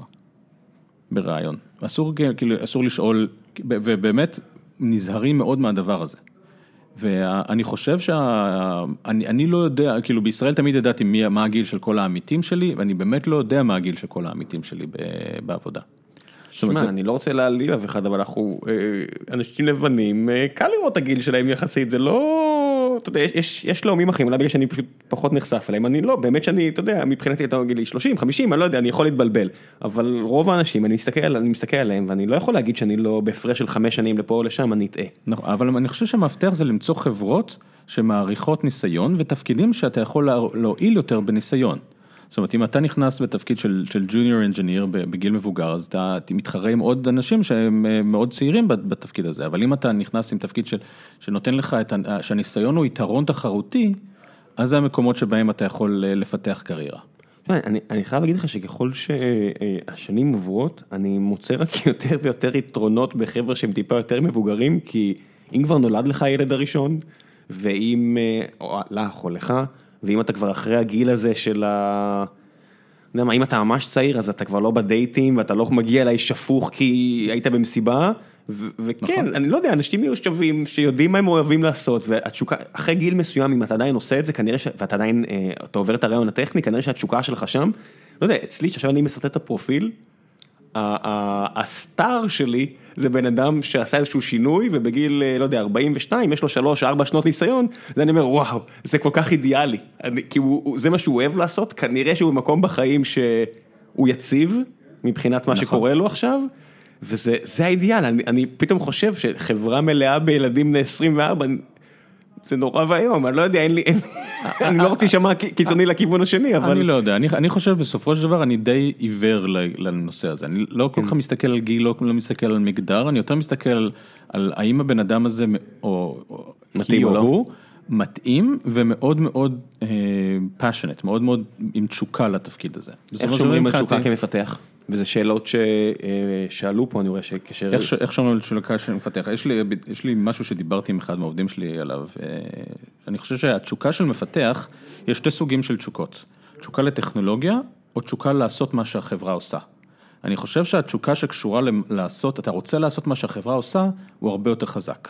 זאת אומרת, אם היום אומרים לך תעבוד ב-SQL ומחר אומרים לך לעבוד ב-GraphQL, שזה שני שיטות של לעבוד מול דאטאבייסים, אז יכול להיות שיהיה לך יותר מגניב עכשיו אה, GraphQL, כי עכשיו בפייסבוק עושים GraphQL וקראת על זה וזה מגניב, אבל אם אתה מאמין שאתה עובד בחברה שבאמת עושה טוב, אז לא אכפת לך איזה טכנולוגיה להשתמש, מה שאכפת לך זה שאתה תורם לחברה שעושה, שעושה טוב. נורא קשה למצוא את האנשים האלה. אתה יודע שהרוב היום בוחרים לפי הטכנולוגיה. שזה, לי זה קשה להבין, אני מאמין שמבחינתי שפות תכנות זה כמו דת, זה לא ברור לי איך אנשים בוחרים אחד ולא את השני. זאת אומרת, מה, מה, אם אתה יודע לעשות משהו בנוד או ב-C++, זה לא משנה, מה שמשנה זה מה אתה מנסה לעשות. זה מבחינתי, אבל זה אני, יש לי קצת אה, תפיסה אה, קיצונית בנושא הזה. כן, אני, אני מרגיש שזו תפיסה שהיא אה, משותפת להרבה אנשים שהתקדמו בקריירה, כי זה כנראה תפיסה נכונה, נגיד גיל תמיד אומר לי, זה גיל הירש הוא היו"ר של החברה, הוא אומר לי, אל תבחר מפתחים לפי סוג הטכנולוגיה, מצד שני אני אומר, לא תמיד יש לי את הלוקסוס הזה, אני אומר, אם עכשיו בן אדם ב stack טכנולוגי שונה לגמרי ממה שאנחנו עושים, ה ramp up, האפשרות שלו להיכנס ולתרום לחברה שהיא רצה, היא, היא, אין מה לעשות, אנחנו חברה שרצה, ייקח לו זמן. אז, ייקח- אבל ייקח לו הרבה? זמן. זה שאלה, זה חשיבה כן. אסטרטגית, מה נכון. יקרה אם תביא מישהו שהוא יודע בדיוק את הטכנולוגיה, אבל, אבל- הוא לא אוהב את החברה, והוא זה- לא מרוצה. לא, אז- אז זה בטוח, זה, זה, זה, זה no go, ואז קורה מצב שלוקח הרבה זמן לגייס בן אדם, כי הסוויט ספוט הזה של גם מכיר לפחות חלק ממה ש... מהטכנולוגיה שאנחנו עושים, גם מתלהב מה... מה... מהעשייה פה, וגם הצלחתי לשכנע אותו לעומת אלפי היזמים האחרים שיש בארבע וחצי קילומטר הרבועים פה סביבנו, הרוויה היא לא נורמלית כבר, זה נהיה אתגר, שאני אומר, זה ממש מרגיש לי כמו משהו מסכן את עתיד התעשייה פה. אז קודם כל, אה, אל תדבר איתי על התחרות, כי אצלנו יש תחרות הרבה יותר גדולה. זה שני אזורים מאוד דומים. נכון, נכון, מאוד דומים. הבעיות פה באזור גוש דן, נכון. וכמו בוואלי, וכמו נכון, שאמרו לי שבסטוקהולם, נכון. וכמה האבים כאלה, זה בעיות מאוד דומות, אני לא... אז אני יכול להגיד לך שכן, אני מסכים, סתם צחקתי, התחרות בכל המקומות האלה היא מאוד מאוד חזקה, אני חושב שיש לחץ מאוד מאוד גדול להתפשר, ואם אתה מתפשר אתה עושה טעות מאוד גדולה לדורות. אז המטרה שלך זה לא להתפשר ולשמור על רף מאוד מאוד גדול ולהיות מאוד תחרותי. והאם זה בעיה של המגזר שלנו? אני מקווה מאוד שמשרד החינוך פה עושה עבודה מאוד מאוד חזקה וייצור הרבה מאוד אה, תלמידים חדשים שמאוד יאהבו מדעי המחשב. אז, אז אני אומר, אני כבר לא מחכה עם משרד החינוך, אני, אתה יודע, מדגיש את המסר הזה שקוד, או כל צורה של השתתפות ב... ב... אפילו יש פה כלב, שכל צורה של, אה, זה אח של גולדה דרך אגב, אה, זה גולדה ג'וניור, אה, אז כל, הוא הרבה יותר קטן בגודל, וכל צורה שאנשים חושבים שאפשר להשתלב בתעשייה הזאת היא אפשרית, חשוב לי להגיד, זה לא איזה gap שאי אפשר לסגור. ברור, אני לא עשיתי תואר במדעי המחשב, רק שיהיה ברור. כן, אז אני אומר, מה שהרבה אנשים, וגם אני דיברתי ככה, רוב, אתה יודע, רוב האנשים פה, זה לפעמים קצת חסר לי, כן, אבל כי יש דברים שכן אה, השכלה, מי שלא השלים את הפערים, אז, ורוב האנשים שלא עשו, כן בסוף משלימים את הפערים, אמ, אז אני כבר לא תולה תקוות, אולי זה קצת אה, מיואש להגיד, אני לא תולה תקוות במשרד החינוך בכלל, עכשיו אני תולה תקוות רק ב-human kind ובאנשים שיסתכלו, וואו, מקומות עבודה האלה כיפים, טובים, נכון. מרוויחים בהם בסדר גמור, לפעמים אפילו טוב מאוד, מה אני צריך לעשות כדי לסגור את הפער? אז תנו לי להגיד לכם שזה לגמרי אפשרי, אנחנו חיים בעידן לא נתפס. אה, היכולת של בן אדם היום ללמוד מספיק כדי להיכנס ל, אה, לעבוד בהייטק, אני עושה פה עכשיו מירכאות, כי יש כל כך הרבה תחומים בהייטק, זה נהיה חלק כל כך גדול מה, מה, מהתעשייה. זה זה באמת, uh, it's a crime לכל מי שחושב שזה שזה קשה מדי או בלתי אפשרי, או שהוא מצטער שלא לימדו אותו פעם לתכנת. נכון. זה כל כך אפשרי, כמות הכלים שיש היום, כמות אבני הלגו, כמות האנשים שיעזרו לכם, כמות המיטאפים, שזה דברים שאתה אפילו עזרת להם פה בארץ. גוגל קמפוס, זה משהו שאתה היית מעורב בו, יש שם uh, ארגונים כמו she codes שעוזרות נכון. למפתחות, ויש ארגונים שעוזרים לחבר'ה מהמגזר הערבי, לא מספיק, אבל אני מקווה שזה ישתפר, וגם אם לא עוזרים לכם, היכולת ללמוד לבד בחינם. היא עצומה, נכון. ואתה יודע, אני כל כך כאילו מסתכל על זה ואומר, למה לא עוד אנשים עושים את זה? זה המקומות שבהם החברות הגדולות באות ומגייסות. זאת אומרת, היום אנחנו הולכים לכל הארגונים, ב Valley יש כמה ארגונים כאלה שהולכים ומכשירים אנשים. אה, להיות bootcamp כאלה. בוטקאמפים כאלה, ובסוף ה bootcamp אני מוציא כל, כל רבעון, אני מוציא יום שלם בללכת לבוטקאמפים ולראיין אה, קנדידטים משם. ולחפש למי יש את הפוטנציאל? נכון. חד משמעית, זה, זה, זה כל כך נכון שאתה יכול לעשות את הקפיצה הזאתי, וברגע שאתה נכנס אתה לומד את העבודה, ואתה יכול לעשות, להביא ערך מהר מאוד. כן, אז אולי אתה לא תביא ערך עצום, ואולי אתה תתחיל יחסית מלמטה, אבל... כמו כל דבר בקריירה. נכון, אבל אני אומר, אנשים שואלים נגיד על הגיל 40 הזה, ואני אומר, די, יש כזה מחסור באנשים, אני, אני, אני מרגיש כאילו, אתה יודע, יש פה איזשהו gap של הבנה ביני לבין אנשים שואלים את השאלה, אני אומר, לא, רק תלמדו ויהיה בסדר. נכון. אז יהיה תקופה, כן, של שנה או חצי שנה שאתה לומד ואתה אומר, בשביל מה אני עושה את זה? אף אחד לא יקבל אותי כי אני junior, אין לי ניסיון, ואז ברגע שאתה מקבל את ה-first break שלך, ואפשר לעשות, אתה יכול לעבוד על, או את לעבדי על... על open source project ויש כל כך הרבה מהם, רק לעשות משהו כדי להראות שאתה, ככה כן, אני התחלתי, אני התחלתי, כן. עשיתי open source ומשם עשיתי רעיון ב Comverse והצלחתי לעשות אותו, לא הבנתי כל כך את הנושא של, הייתי, הייתי מילד PC, תכנתתי כל החיים שלי, אבל כשהגעתי ל Comverse לא ידעתי מה זה Enterprise Software, איך עושים תוכנות לטלקו. אה, ופשוט אמרתי, אני מוכן לעשות, אני מוכן לכתוב, אני, והם היו צריכים המון אנשים. פשוט נכנסתי ולמדתי בשלוש שנים שהייתי שם, למדתי לתכנת כמו שצריך. לעשות כמו שצריך, מה כן, שנקרא. בדיוק. We'll do what it takes. בדיוק. יש המון חברות בארץ שייתנו צ'אנס. כן, יכול להיות שבהתחלה, אני שוב רוצה להגיד, יכול להיות שהשכר יהיה נמוך, אבל זה משווה את זה. לגמרי. זה באמת מקומות עבודה יותר טובים, אני, אני רואה לפעמים אנשים בתעשיות אחרות, ואני אומר, למה אתם עושים את זה? יש לכם את האפשרות, כן, זה יהיה קשה בהתחלה, אבל האפשרות קיימת, לא צריך הרבה אני תמיד אוהב, אחד האנשים שאני הכי אוהב, אה, שיצא לי לעבוד איתם, בחור בשם אה, אורי לבני, היה מעצב בבצלאל והחליט שהוא רוצה להיות מפתח אחרי שהוא תכנת פעם כילד, אבל לא בצורה רצינית. הוא אמר לעצמו, אני אלמד שעה כל יום. שעה. יש הרבה אנשים שאין להם זמן, אתה יודע, יש דברים קורים, החיים עצמם, לכולנו, כן? לא לכולנו, אבל לצערי, להרבה מאיתנו. ושעה, הוא אמר, אני אקדיש איזה שעה אחת, 60 דקות, אני, אני אלמד. 60 דקות כל יום אני אלמד.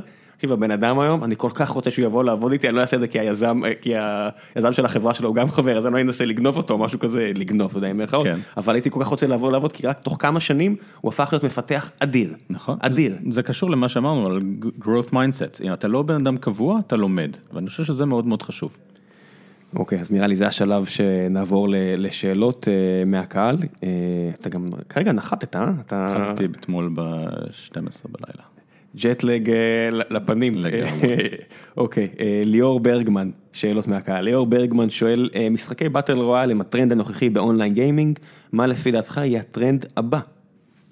אני, אם הייתי יודע, הייתי עושה משחק, אני לא יודע, אני נותן את, ה, את הכלים למפתחים לעשות משחקים מגניבים.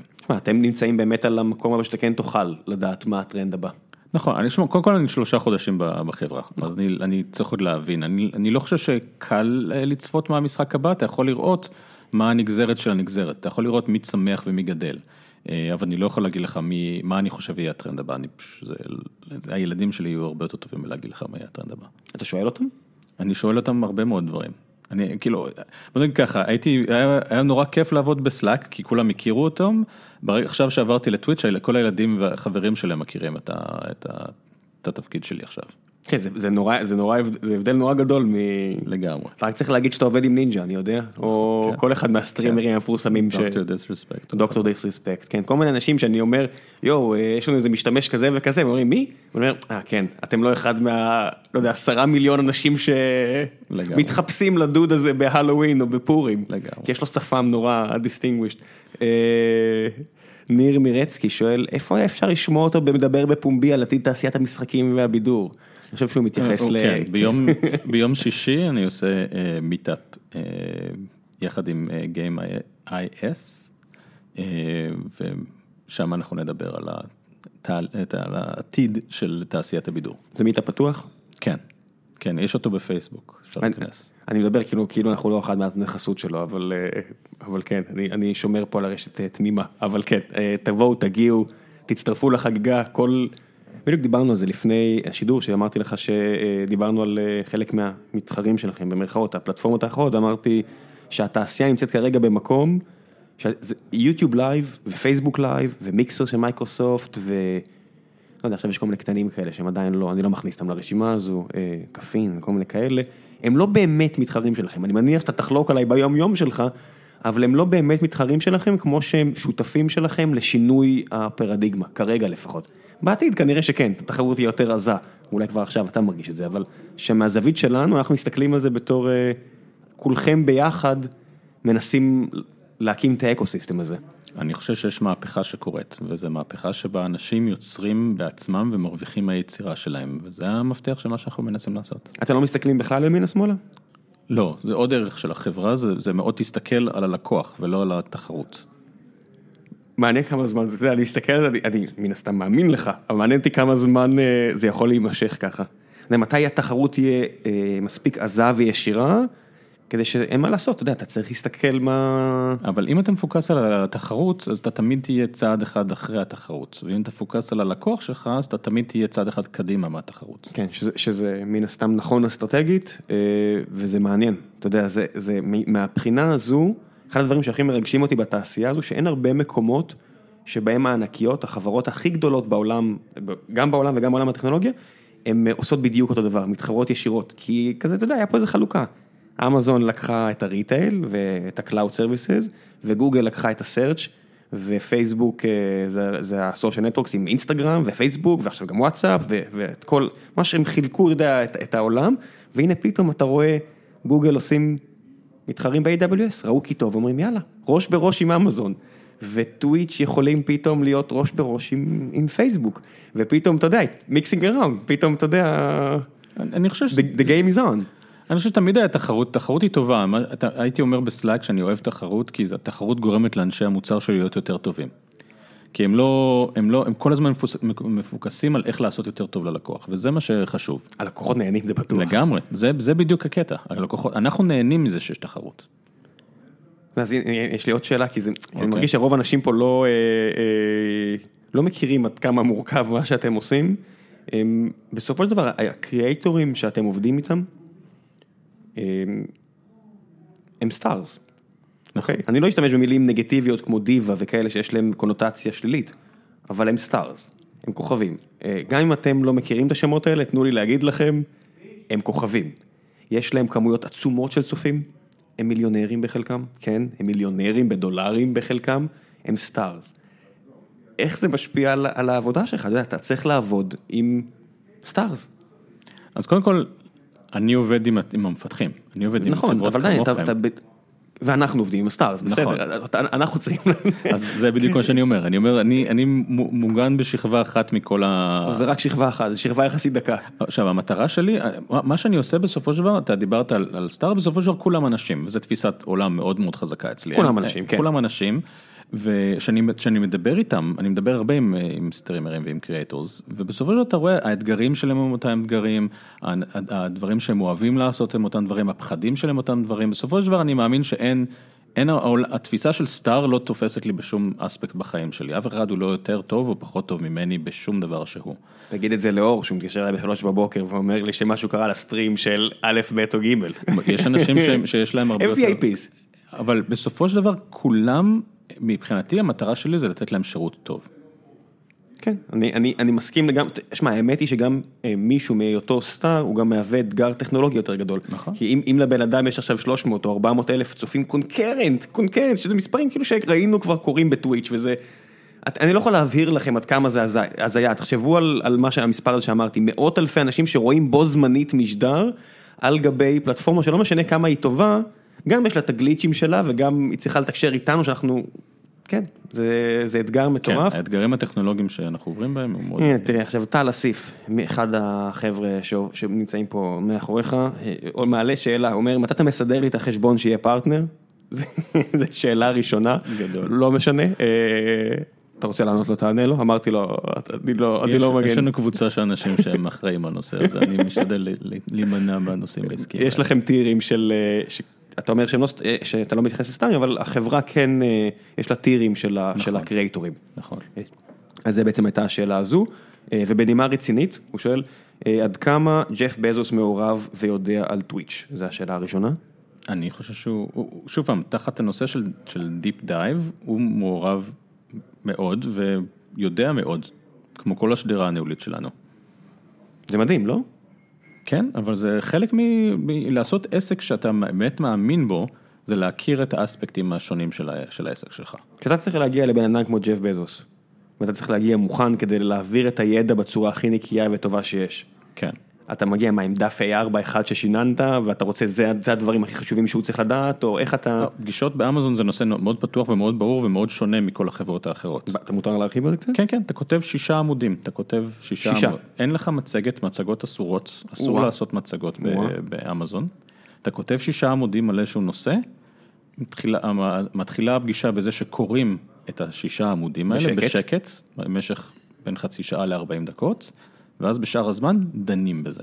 אין שום מצגת, אף אחד לא צריך לעמוד מול שום לוח ולהסביר שום דבר, כותבים בצורה מאוד מאוד ברורה, צריך לכתוב את זה בצורה שכל אחד יכול אה, להבין וגם לעמוק מספיק כדי של... אה, עם מספיק מספרים ומספיק מידע, ובסופו של דבר דנים בנושא. וזה, דרך אגב, זה שלוש, ארבע פעמים ביום, זה מה שאני עושה. יש- צ'ארטים או רק מילים? בעיקר מילים ומספרים.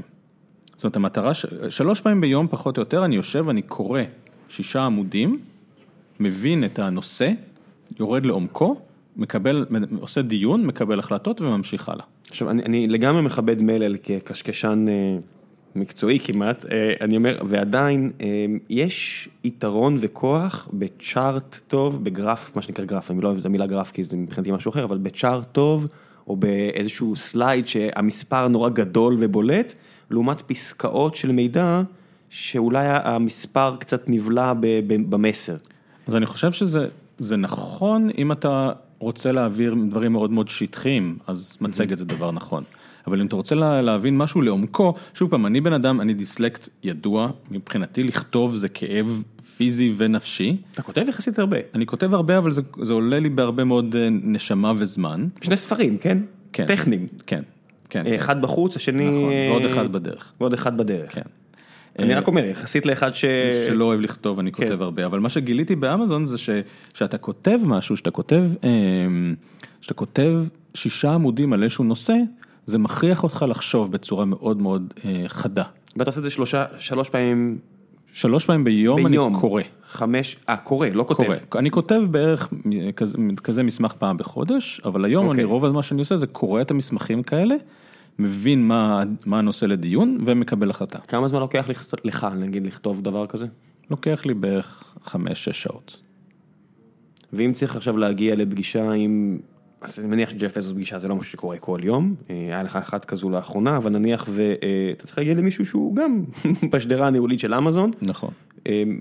מה אתה שם, אתה יודע, איך, איך המערך שיקולים שלך עובד על, אה, אתם באמת, אפילו בפגישה שלך עם, אה, עם, עם החבר'ה האלה, אז באמת זה יתחיל ב, לשבת בשקט ולקרוא? כן.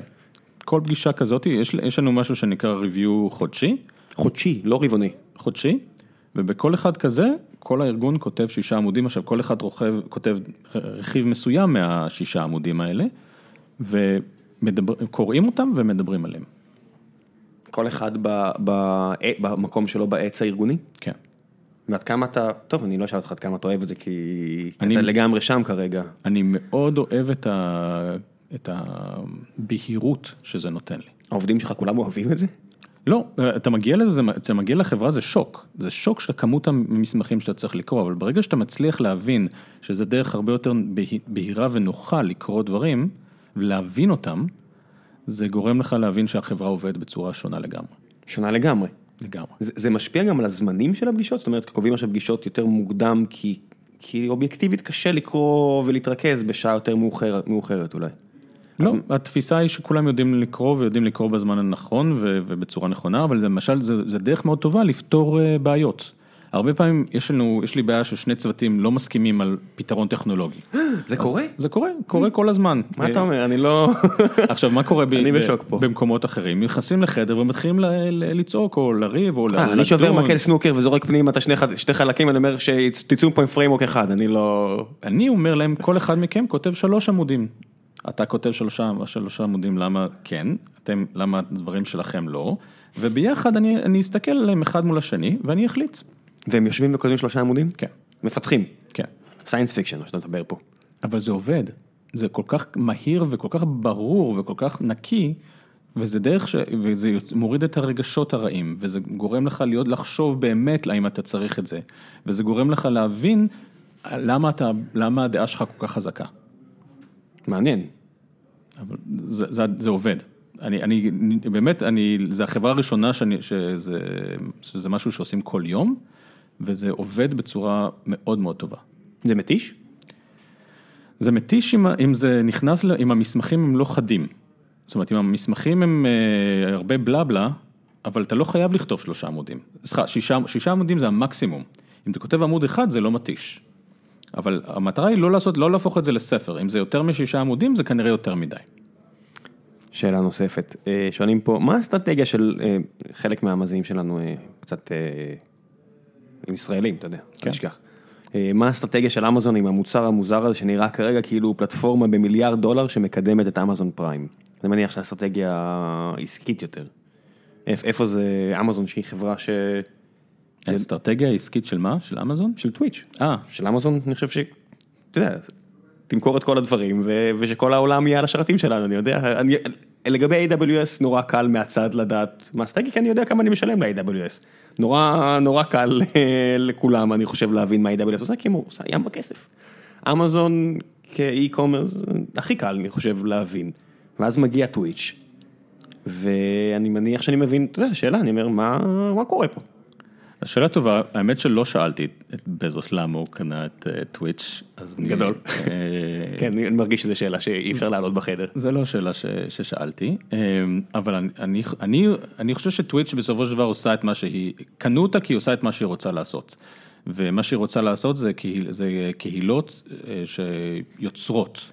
ואני חושב שבסופו של דבר, אם אתה עושה משהו כזה ויש לך, היום, אם יהיה לך בעתיד מקום שבו יש מיליארד אנשים שיוצרים ביחד ועושים חוויה משותפת, יש, יהיה לזה ערך שאמזון תוכל להשתמש בו. זה בטוח. אני, אני, אני מרגיש את זה, אני עדיין לא יודע לשים בדיוק את האצבע על איך זה יקרה, אבל אני מניח שזה מסוג הדברים שפשוט ייפתרו עם הזמן. כשהסקייל ילך ויעלה אז יהיה יותר קל. אני לא אומר שאני יודע או לא יודע, אני פשוט אומר, כן, כן, כן, אני מקבל, אני מקבל לגמרי את התשובה, אני חושב שכל מי שמאזין מבין את התשובה, אני מקווה לפחות. אה, שרון אה, שואל אה, דרישת שלום, והאם המתודולוגיה הניהולית בטוויץ' מושפעת מזו של אמזון? עד כמה באמת טוויץ' כחברה שנקנתה היא אמזון? אז היא, היא חברה של אמזון, אבל היא חברה שיש לה, יש לה ערכים אה, שהם מתאימים לאמזון, אבל הם שייכים לה. זה קצת מזכיר לי את ההבדל בין אה, אה, גוגלרים לבין יוטוברים. חבר'ה שהם עובדים ביוטיוב, שהיא חברה של, אה, של גוגל, אבל הם קוראים לעצמם יוטוברים. אז החבר'ה של, אה, של טוויץ' מר- מרגיש קצת ככה, הם, הם יותר, הם מרגישים מאוד את, את ה brand של, אה, של טוויץ'. אה, זו חברה בסן פרנסיסקו ולא בסיאטל. אה, כל השירותים אנחנו מקבלים אה, מאמזון ואתה מרגיש ובאמת אוהב את אמזון, כי זו חברה שתומכת בך ועוזרת לך. אה, אבל הרבה מאוד מהדברים שלנו הם, אה, הם טוויץ', רוב, האנשים מסתובבים עם אה, ג'קטים סגולים. כי הצבע של החברה זה, כן, כמו החבר'ה פה. יש לנו הרבה כן. הרבה צבעים, אבל החולצות, הסמל חשוב, כן. נכון, אז הרבה מאוד מהאנשים אצלנו הולכים עם הג'קטים הסגולים של טוויץ'. אז יש הרבה מאוד, יש את ההרגשה של אני שייך לסטארט-אפ מגניב, ששייך בסופו של דבר לחברה שהיא גם כן כל יום היא סטארט-אפ. כן, אין, אה, אפילו המודל העסקי שלו הוא מאוד סטארט-אפ נכון. של אמזון. אה, מותר להשתמש בכלים של חברות אחרות, או שזה, אין מה לעשות, זה, זה החוק? מה זאת אומרת? איזה כלים שלך, כן, משתמשים בכל ה... לא, לא, יש דברים ש... אתה יודע, זה, זה, אוקיי, אני, אני מניח שלא, אני מניח שזו שאלה מטופשת, אבל אני אשאל בכל זאת.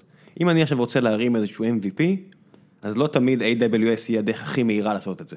אנחנו, לצורך העניין, פה בחברה אנחנו לגמרי על AWS, אבל יש מצבים שאם אני רוצה עכשיו להרים משהו מהר, מהר, מהר, מהר, מהר, מהר, אולי אני אשתמש בחברה, אה, ב-Firebase של גוגל, כדי מעכשיו לעכשיו להרים משהו, to proof of concept, לבדוק את זה. זה משהו שאין דבר כזה, נכון? אני... אני, אני חושב שאין כזה דבר מתאמים כ- שאני שואל בכלל. אני, אני חושב שאין דבר כזה לא בגלל שזה לא הבחירה הטכנולוגית הנכונה, אלא בגלל שהבחירה הטכנולוגית הנכונה היא זה שיש לנו כבר מערכות שהן נורא קלות ובנויות מעל AWS. זאת אומרת, רוב המערכות, אם למפתח שלי רוצה לה, היום להרים מיקרו סרוויס, הדרך הכי מהירה שיש לו לעשות את זה, זה על המערכות שלנו. אה, אז אין פה, אין פה, אז התשובה היא לא, אין שום סיכוי שיהיה... אבל זה ככה בכל אחד מהחברות. לא, בוודאי, בסופו של אני- דבר, היכולת שלך, כשאתה נמצא בגוגל להעלות שירות על ה- על המערכת הפנימית, היא כל כך קלה, והכאב ראש שיש לך כדי להיכנס למערכות חיצוניות כל כך קשות, שאין לך שום סיבה להיות במערכת אחרת. זה משפיע אפילו על בחירות כמו IDE וכאלה? נגיד אני עכשיו מפתח אז אני לא אשתמש ב-VS Code כי זה של מייקרוסופט, אלא רק באיזה open source או דברים כאלו, שזה לא, או שזה קטנוני מדי. המפתחים שלנו מפתחים במה ש... איזה ID שם. לא אכפת לך. לא. אוקיי, אז לפחות זה. אני, אתה יודע, אני חושב פתאום כמה שנים כבר לא הייתי בקורפרט כזה, ואני אומר, אה, בסופו של דבר, הדר- החשיבה היא, תמצא את הדרך הכי טובה להשיג את מה שאתה רוצה לעשות. כן, אבל עדיין, דברים גדולים מן הסתם AWS. אין, אין, זה עניין גם של עלויות, לא יעזור, זה לא... שם אנחנו רצים, כל המערכת ניהול שלנו, הכל רץ שם. אוקיי, אה, בוא נתקרב כבר אה, לסוף. אה, שאלו פה, רק רק נוודא ששאלו פה, האם לדעתך סטרימינג הופך למדיום חדש? ברור, ברור. האם להיות streamer יהיה או שהוא כבר עכשיו מקצוע שאפשר להתפרנס ממנו? חד משמעית. משמעית, כן. זה לא העתיד, זה עכשיו, זה קורה. אה, אוקיי, אז יש פה איזו שאלה, אוקיי, שאלה אחרונה, מילר אה, אולג שואל, אה, מה האינדיקציה הכי טובה שצריך להחליף מקום, חברה או ענף, בסוגריים התמחות slash vertical בתחום ההייטק? אני חושב ש... אה. שוב אני חושב שלכל לכל בן אדם זה צריך להיות משהו אחר, בשבילי זה, זה, זה, זה שעמום, כשאני מרגיש שאני מגיע ל maintenance mode, אז אני צריך לעבור. דרך אגב, זה לא מה שקרה ב... בסלאק. בסלאק. בסלאק פשוט אני- הצעה טובה. פשוט היה הצעה יותר, הרבה יותר מפחידה, ב... ושגרמה לי ל... לרצות לקפוץ. ואותו אולג שואל שאלה, אה, את החלק השני של השאלה, עד כמה לדעתך יש ניידות בין הוורטיקלים, למשל בין בדיקות לפיתוח? ובין ענפים שונים, אז, אז נראה לי הכי פופולרי זה בין product לפיתוח. כן. אני מאוד מעריך אנשים שעוברים ממקצוע אחד למקצוע אחר, כי זה נותן להם את העומק ש... שצריך כדי לעשות את המקצוע שלהם בצורה טובה. זאת אומרת, אני מאוד אוהב אנשי מוצר שהיו אנשי פיתוח לפני זה. כמובן יש עם זה גם סכנות, כי אז הם באים ל engineers ומנסים לגרום להם להבין, הם אומרים להם, אתם לא יודעים לעשות את זה, אני, אני אעזור לכם לעשות את זה. אבל אם אתה יודע שאתה איש מוצר, ואתה מביא את הרקע שלך מפיתוח, אתה יכול להיות איש מוצר הרבה יותר עשיר והרבה יותר מוצלח, אה, כי הצית את המעבר הזה. אני מאוד מאמין שאנשים מולטי דיסציפלינריים, הם אנשים שהם יותר אה, שלמים ועשירים ביכולת העסקית שלהם. שהם קפצו מכמה... כן. כן, אני... שזה גם מתאים למה שאתה אמרת, שזה לקפוץ בגיל 40 לאיזשהו תפקיד אחר, אתה אם היית עורך דין ועכשיו אתה מתכנת, אז החשיבה שלך הלוגית כעורך דין יכולה מאוד לעזור לך כמתכנת. היא שונה, תן לי, נכון. אתה יודע, העניין הזה של diversity הוא לא רק מין וגיל והכל, אלא גם לגמרי. צורות מחשבה. לגמרי. אוקיי, זה השלב האחרון של הפרק, שבו אני נותן לך את הבמה הפתוחה להמליץ על כל דבר שבא לך, לקדם כל דבר שבא לך, אין לנו רגולציה, יחי המדיום החדש הזה של אה, פודקאסטים. כן, כל דבר שבא לך זה ספרים שאתה רוצה לקדם, שכתבת או שסתם אתה רוצה להעביר, מוצרים, החברה שאתה עובד בה, למי שלא מכיר טוויץ', הבמה שלך, כל דבר שאתה רוצה. וואו, יש המון דברים. אה, אז קודם כל, דבר אחד שהייתי מאוד מאוד שמח, אה, יש ספר שאני עושה שיוצא עוד, עוד חודשיים, על אה, איך עושים APIs שמפתחים אוהבים אה, לפתח, אה, סליחה, שהמפתחים אוהבים להשתמש בו. זה איך הגעת ל- ל- לנושא הזה? הרי הספר הקודם שלך, ספר אוריילי. היה על בוטים, עבדת בסלאק, אני יכול להבין. נכון, מה מה שנקרא הגיוני מאוד. ועברת ל-API שזה, לכתוב API 'ים. שזה מאוד הגיוני לטוויץ', שזה רוב העבודה. לא, דרך אגב, עשיתי את זה תחת סלאק. אני אני יודע, כן, בגלל כן. זה אני שואל איך איך זה קרה, מה- למה דווקא של API? מפתחים מתוך סלאק פנו אליי ואמרו לי, תשמע, אנחנו רוצים לכתוב על איך אנחנו עשינו את ה-API שלנו, של סלאק, ולדבר עם עוד מפתחים מכל הסיליקון וואלי על איך הם עשו את ה-API שלנו, וחסר לנו את החלק של האהבה, של איך לגרום למפתחים לאהוב את זה ולהשתמש בזה ולרצות את זה, אז בוא תעזור לנו. אתה רוצה לתת את הספוילרים או קצת לדבר על זה כדי לקדם את הנושא, או שעדיין זה מוקדם? לא, זה לא מוקדם, הספר כבר כתוב, עכשיו הוא בעריכה, אבל הרעיון הוא איך אתה בונה את המערכת של לא רק איך כותבים API שהוא מוצלח, אלא איך אתה בונה אקו של מפתחים מסביבו. איך אתה גורם למוטיבציה לאנשים להשתמש ב-API. איך אתה בונה את הכלים של הדוקומנטציה ושל הקהילה שתומכת אחד בשני. בעצם אנחנו עושים ראייה הוליסטית של החל מאיך מעצבים את הפרוטוקול, איך מעצבים את ה-API, כל הדרך של איך בונים ecosystem של חברות כמו, ואנחנו מראיינים אנשים מפייסבוק, מגוגל, מאמזון, מכל החברות הגדולות בסיליקון וואלי והקטנות. אוקיי, למי שלא, רק, רק נסגור את הפער אה, של הידע, לא רוצה לקטוע אותך, API זה אה, Application Programming Programming Interface, Interface, כן. כן, אז בעצם הממשק של אה, שרת כלשהו, או שירות כלשהו, החוצה, זאת אומרת אם אני אה, חברה שרוצה לעבוד עם טוויץ', החברה שלך, אנחנו לא מדברים בינינו, אין, אין באמת סיבה לדבר בינינו, אתם מוצאים איזשהו API, אני קורא את המסמכולוגיה שלו, את המסמכים, ואני פונה אה, לשרת, מקבל תשובה שהיא צפויה, נכון. צפוי זה כיף, נכון. ב-API לא צפוי זה ממש לא כיף, נכון. ויש חוקים ברורים לגבי כמה קריאות אני יכול לעשות, מכסה של דברים, כי אתם זה רוצים לשמור. על הפרטיות וכו' וכו' וכו'. אתה נכנס בעצם גם לשיקולים של קווטס וכל מיני כאלה, אותה API, לימיטים, כל הדברים האלה. זה עולם שלם עכשיו. לגמרי. אתה יודע, זה, זה, אנחנו חווים את זה מול העבודה עם כולן, עם, עם יוטיוב ואיתכם, ואני יכול להגיד לך, אתה יודע, מה טוב ומה רע בכל מקום, זה הדרך וזה, החדשה לתכנת.